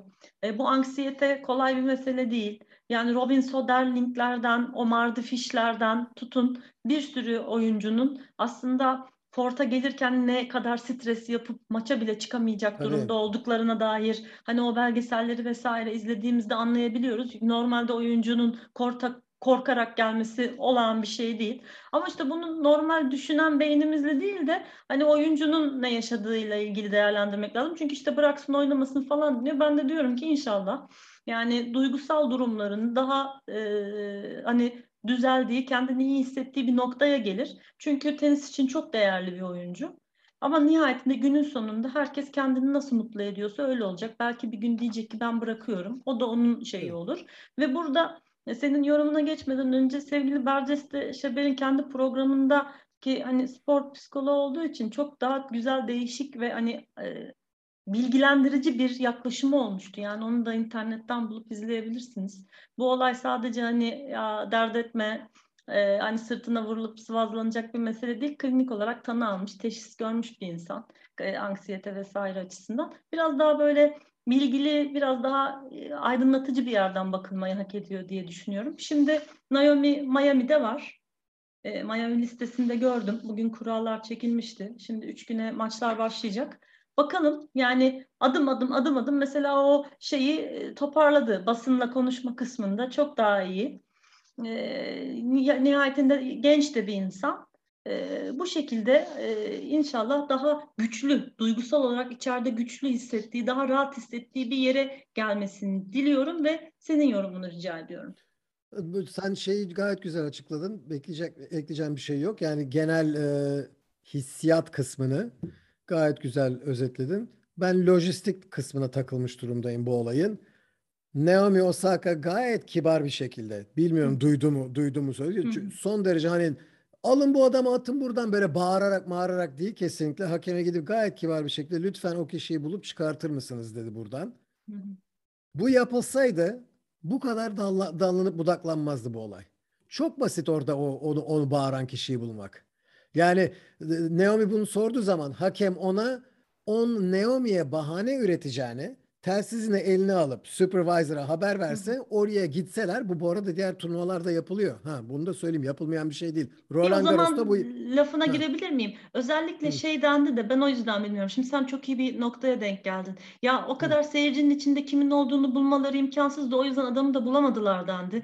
Ya, değil. Bulunabiliyor işte mu? Bahane. Nasıl buluyorlar? Onu bize şey yapsana. O, o, ya o kadar büyük işte bir statta o, bulmak mümkün mü gerçekten? O, o işte uğraşmak isteme. Hani bazı, bazı kurumlar böyle aman bununla kafamızı hiç yormayalım deyip bir e, nasıl bahane söyleyeyim sana bulur, res, resmi bahane bulurlar ya. o resmi bahane. Bak Roland Garros'ta nasıl yapıyorlar ben sana söyleyeyim mesela.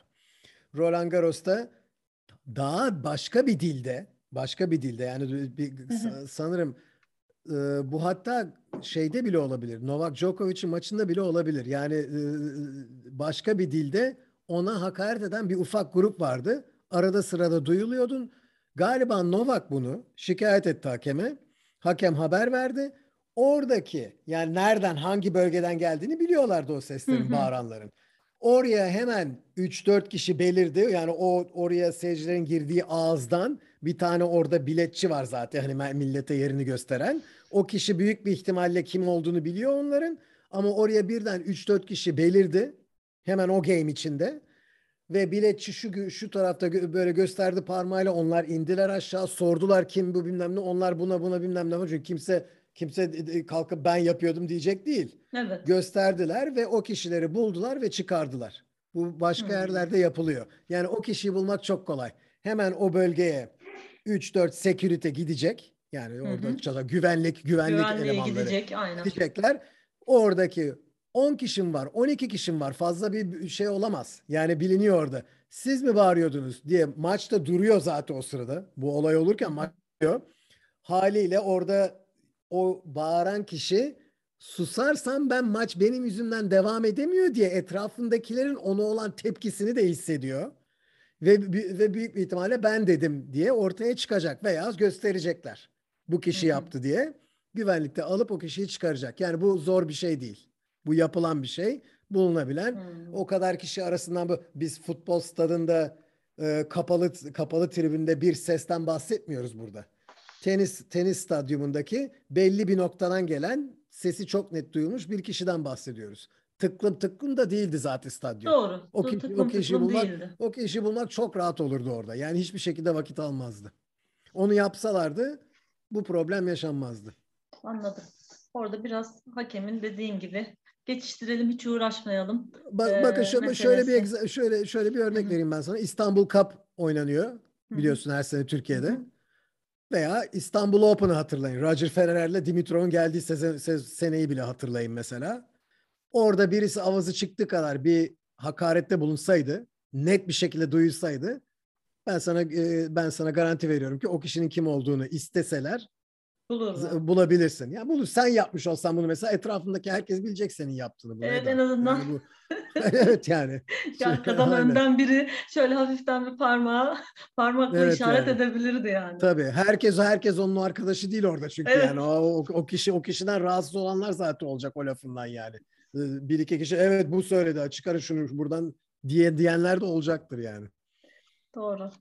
Ee, ve kadın tarafında benim hani özellikle başka bir notum yok. Yani mesela e, turnuvaya wildcard'la katılan Diana Yastremska'dan bir sadece bahsedeyim. Yani Ukraynalı kardeşiyle anne babayı e, savaşta bırakıp uçmaları falan buraya gelmeleri gerçekten büyük e, meseleler. Çok zor, çok e, yani üzücü şeyler ama mesela o bir turnuvada yer aldı. Keza Elina Svitolina da hani elinden geldiğince bir farkındalık yaratıp çabaladı. O da e, ikinci turda Harriet Dart'a e, yenildi. Bakayım kadın tarafında başka not aldığım bir şey var mı? E, hani, Hale, Halep'ten Halep- bir Aa, lütfen. e, Halep'in o bir- zaman yolunu bir söyleyeyim mi Halep dediğin Tabii. için? Şimdi Halep ilk turu bay geçmiş. E, Aleksandrova ile oynuyor. Sonra e, Coco Gauff'u yendi. E, Sorana Kristeva'yı yendi. Gayet güzel aslında. E, Tabii, tabii. Pe- İyi Petra. Martic e, geçti. Şiviyontek'le e, yarı final oynadı ve orada Evet. şey yaptı ama e, Halep'in şeysi güzel gözüküyor. Yani ne derler? İyi 2021 onun için çok kötü geçmişti. Ha bak Darren Cahill'la ayrılmıştı. Ee, şunu da söyleyeyim An- Amanda Anisimova ile hani başlamıştı demiştik Darren Cahill ama bu hem karantina çok yormuş onu. Ee, ben hani burnout oldum, ee, şey yapamıyorum, konsantre olamıyorum gibi bir e, şeyle e, şeyi bırakmış o da Anisimova'yı bırakmış. Anisimova da çok e, ikinci setinde Fernandez'le mi oynamıştı? Bir yerde maçı bıraktı hastayım diye. Yani girdi ve çıkmadı bir e, şeyden sonra. Onun şu an e, bulamadım kiminle maçı olduğunu ama sen şeyi anlat Halep'i. Ben şu Anisimova hangi maçı e, retired olmuştu bir onu göreyim. Benim de bu arkadaşlar Mert bilir sizin de bilmenizde bir sakınca yok. Ben şimdi bu tablolar muhakkak benim önümde ve üzerinde notlarım var. İyi hoş. Fakat e, gerektiğinde sonra ben bunların içinde kayboluyorum ve hiç bulamıyorum ve bu hep e, hiç şaşmıyor yani. o yüzden Mert'ciğim sen Anis, Halep'ten Anisimova bahset. Fernandez. Fe- Ha, Fernan- Fernandez değil mi? Ama Fernandez. işte ben şimdi Fernandez'i Evet. de e, heh, evet şimdi sen Fernandez deyince Fernandez'den buldum. Evet e, ikinci setten sonra ben hastayım demiş ve o da e, çekilmiş. Ona, ona da bir belki türbülans yaşatmış olabilir bu durum diyorum. Ve Halep e, hepimizin sevdiği Simoş e, Simona Halep'ten biraz e, bahsedersen. Neden ben bahsetmek istedim? Çünkü demin Şiyontek'ten bal, ballandıra ballandıra anlattık. Herkesin üzerinden silindir gibi geçiyor falan feşman. Şiyontek'i yenmeye en yakın gelen oyuncu Halep'ti. Yani Değil hatta mi? ilk seti ilk seti kazanması lazımdı. Bana sorarsan ilk seti kazanması lazımdı. Ee, kaybetti. İkinci sette de bir break öne geçti. Oradan kaybetti. Ee, o yüzden bahsetmek istedim. Yani çok da bence turnuvanın en güzel maçı oydu zaten. Halep Şiyontek maçı. İlk set çok güzel bir satranç oyunu oynandı ve Halep doğru taktikle oynadı orada. Şiyontek'in ortasını işledi. Yani e, kortun ortasına devamlı oy- Hmm. vurdu. Şiyontek çünkü 2-3 adım sağına doğru atıp topa yüklenmeyi seven veya 2-3 adım soluna e, e, adım atıp topa yüklenmeyi seven bir oyuncu. Durduğu yerde top geldi mi işte bazen çok fazla set oluyor. Pozisyonda e, pozisyona girmiyor değil, pozisyona pozisyona giriyor fakat açıları bulamıyor. Çünkü Şiyontek açıları seven bir oyuncu. Evet. Backhand köşesinden diğer backhand köşesine keskin çapraz vurmayı seven bir oyuncu. Forehandiyle top spin kısa çaprazlar vurmayı seven bir oyuncu. Kortun kenarına geldiğinde singles çizgisi uz- uzunluğunda paralelleri vurmayı seven bir oyuncu. Öyle top hızlandıran bir oyuncu Şiyontek. O, o tür toplarda hızlandırıp puan esnasında kontrolü ele alıyor. Halep devamlı ortaya derin toplar işledi. Ve Şiyontek'in kaçırdığı çok e, yaptığı çok hatalar var bu sayede. Yani ne yapıyor mesela düz tarafına dışarıya doğru servis atıyor Şiyontek. Halep return'ü kortun biraz dışından return'ü direkt ortaya vuruyor. Hmm. Ortaya vurduğu zaman da şu Şiyontek backhand'ine geliyor. tam çapraz açısı da yok çünkü kortun ortasında. Hı hı. Paralele tekrar vurmaya çalışıyordu mesela ve kaçırıyordu. Bu tür hatalar çok el, çok e, elde etti e, Halep ve başarılı şekilde bu taktiği uyguladı. Hatta tiebreak'te tiebreak'te ilk setin tiebreak'inde 3-2 puanında bile bu taktikle Iga'dan hapa, hata kopardı. 4-2 öne geçti. Sonra 4-3 puanında yine aynı şekilde. Ortaya ortaya işte Şuantek bir tane forehand kaçırdı. 5-3 öne geçti. Ee, sonra 6-4 öne geçti. İki tane set puanı elde etti. O puanlara bak seyret Eda bulabilirsen tekrar. Hı hı. O puanlarda Şuyontek'i kortun dışına çıkarttı. Köşelere vurdu. Şuyontek de cezalandırdı. Daha hızlı bir şekilde diğer köşeye çevirdi. E, Halep ilk hatayı yapan oldu. Yani taktiğinden e, vazgeçti o iki puanlığına. E, ve sonuçta 6-6 oldu. 6-6'da tekrar denedi o taktiği. Bu sefer Şiyontek kazandı. Üç tane ortaya vurdu Halep. Üçünü de çok güzel köşelere yerleştirdi. Şiyontek fileye gelip volede puanı kazandı. Orada şapka. Ama yani çok yaklaşmıştı Halep burada evet. şeyi kazanmayı, e, seti kazanmaya ve doğru taktikle yaklaşmıştı. E, kazanamadı. İkinci sette 4-2 öne geçti. Ona rağmen oradan kaybetti.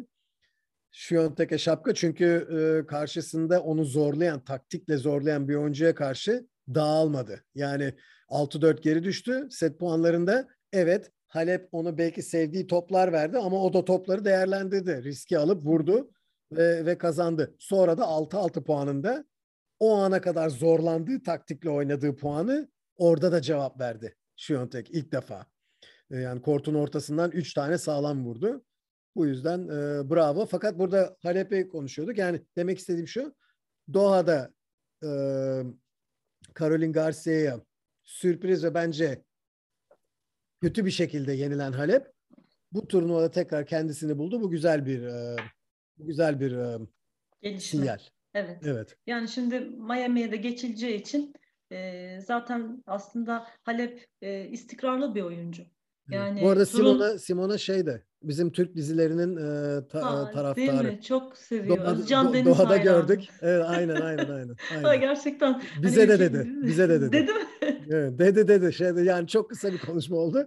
Turnuva deskindeydik. O sırada bizi duydu konuşurken falan. Evet, ben Özcan Deniz'i çok seviyorum. gerçekten Güldü. bayağı seviyor yani. Evet, şey evet. yapıyor. Türkiye'ye geldiğinde de hep böyle payla, paylaşımlar yapıyor. Çok sevilen evet. bir oyuncu. Ve dediğim gibi çok istikrarlı bir oyuncu. Yani o form grafiğini bir kere yakalayıp o ritmi bir kere tutturduğunda Simona yani e, muhtemelen her zaman büyük bir tehlike. Kadın kaç senedir, e, turu kaç açısından. senedir bu arada ilk 5'te ilk 10'da Simona? Yani Vallahi, en en istikrarlı tenisçi evet. kadınlarda son 10 Şimdi, senede yani. E, evet. Şu an zihnimin bir köşesinden atmasyonla yapacağım arkadaşlar. Bence son 10 yıldaydı. Hatta bunun evet. bir şeyi vardı. Son 10 yılda mı bilmem kaç günde mi Simona Halep ilk 10'da diye. Ben de aklımda Öyle 10 mi? yıl diye kalmış. İşte. Evet.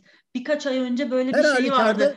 Her halükarda evet, bu, yani bu, bu, var. Bu rekor ona sahiptir yani. Evet, evet, evet. o yüzden hani e, varsa bir yanlışımız arkadaşlar e, şeyde düzeltirsiniz ama benim zihnimde çünkü öyle bir e, milestone deniyor ya öyle bir aşamayı geçtiğinde onun için böyle bir hani e, tebrikler e, Simon'a işte turun en e, şeylerindensin istikrarlısın diye bir onun için bir post hazırlanmıştı da bu e, şeylerde Grand Slam'ler paylaşıyor ya böyle durumlarda. İşte mesela Endi'nin 700. maç galibiyetinde olduğu gibi. Oradan benim aklımda büyük kalmış ama ben 10 yıl diye atayım.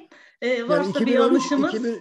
2013 veya 2014 senesinde iki numaraya çıkmıştı. Ben onu hatırlıyorum. Evet, Demek yani, ki o senin dediğin doğru. Büyük olabilir değil mi? Öyle bir şey. Evet, evet. E, velhasıl şimdi kadınlarda da durum böyleyse e, o zaman başka bir eklemek istediğim bir durum var mı kadınlarla Hayır. ilgili? Yok. Şimdi arkadaşlar dediğimiz gibi yani şimdi Miami başlıyor. E, elemeler var. Çarşamba ana tablo başlar. E, Miami bittiğinde biz yine e, binlik programımızı yapacağız. Tabii ondan sonra e, Monte Carlo Masters'a kadar e, biz gene yokuz ama hani orada şey gibi algılamayın yani kendi takvimimizde devam ediyoruz. E, Monte Carlo Masters'la sonra tekrar e, toprağa zaten e, girmiş olacağız. Bu arada şöyle bir önemli bir detay var yani nihayetinde sen de bizim Davis Kupası e, kaptanımızdın değil mi? Ben yanlış söylemiyorum. E, erkek Türk milli takımımız Davis Cup'ta ilk defa World Group 1'de temsil edecek bizi. Bunun herhalde önemini e, ya da ne bileyim Bu ne kadar değerli bir şey. Çünkü ilk defa buraya e, girebiliyoruz. Burada temsil edeceğiz. E, bir birkaç böyle cümleyle aslında ne kadar önemli bir e, aşamada bizim arkadaşlarımız, sporcularımız. E, bir, bir yorum rica edeyim mi buradan? Tabii tabii. yani bu şeyimizle yani bunun, ilgili, bunun önemi ilgili. Tabii tabii yok çok büyük bir başarı. Bunun önemini kavramak için zaten Altu veya Cem'le olan röportajlar maçtan sonra dinlerseniz onların sesinde de duyarsınız. Ee, onların heyecanından da belliydi. Kağıt üstünde aslında daha üstün oldukları, daha favori oldukları oyunculara karşı, bir takıma karşı bir hayli zorlanarak kazandılar.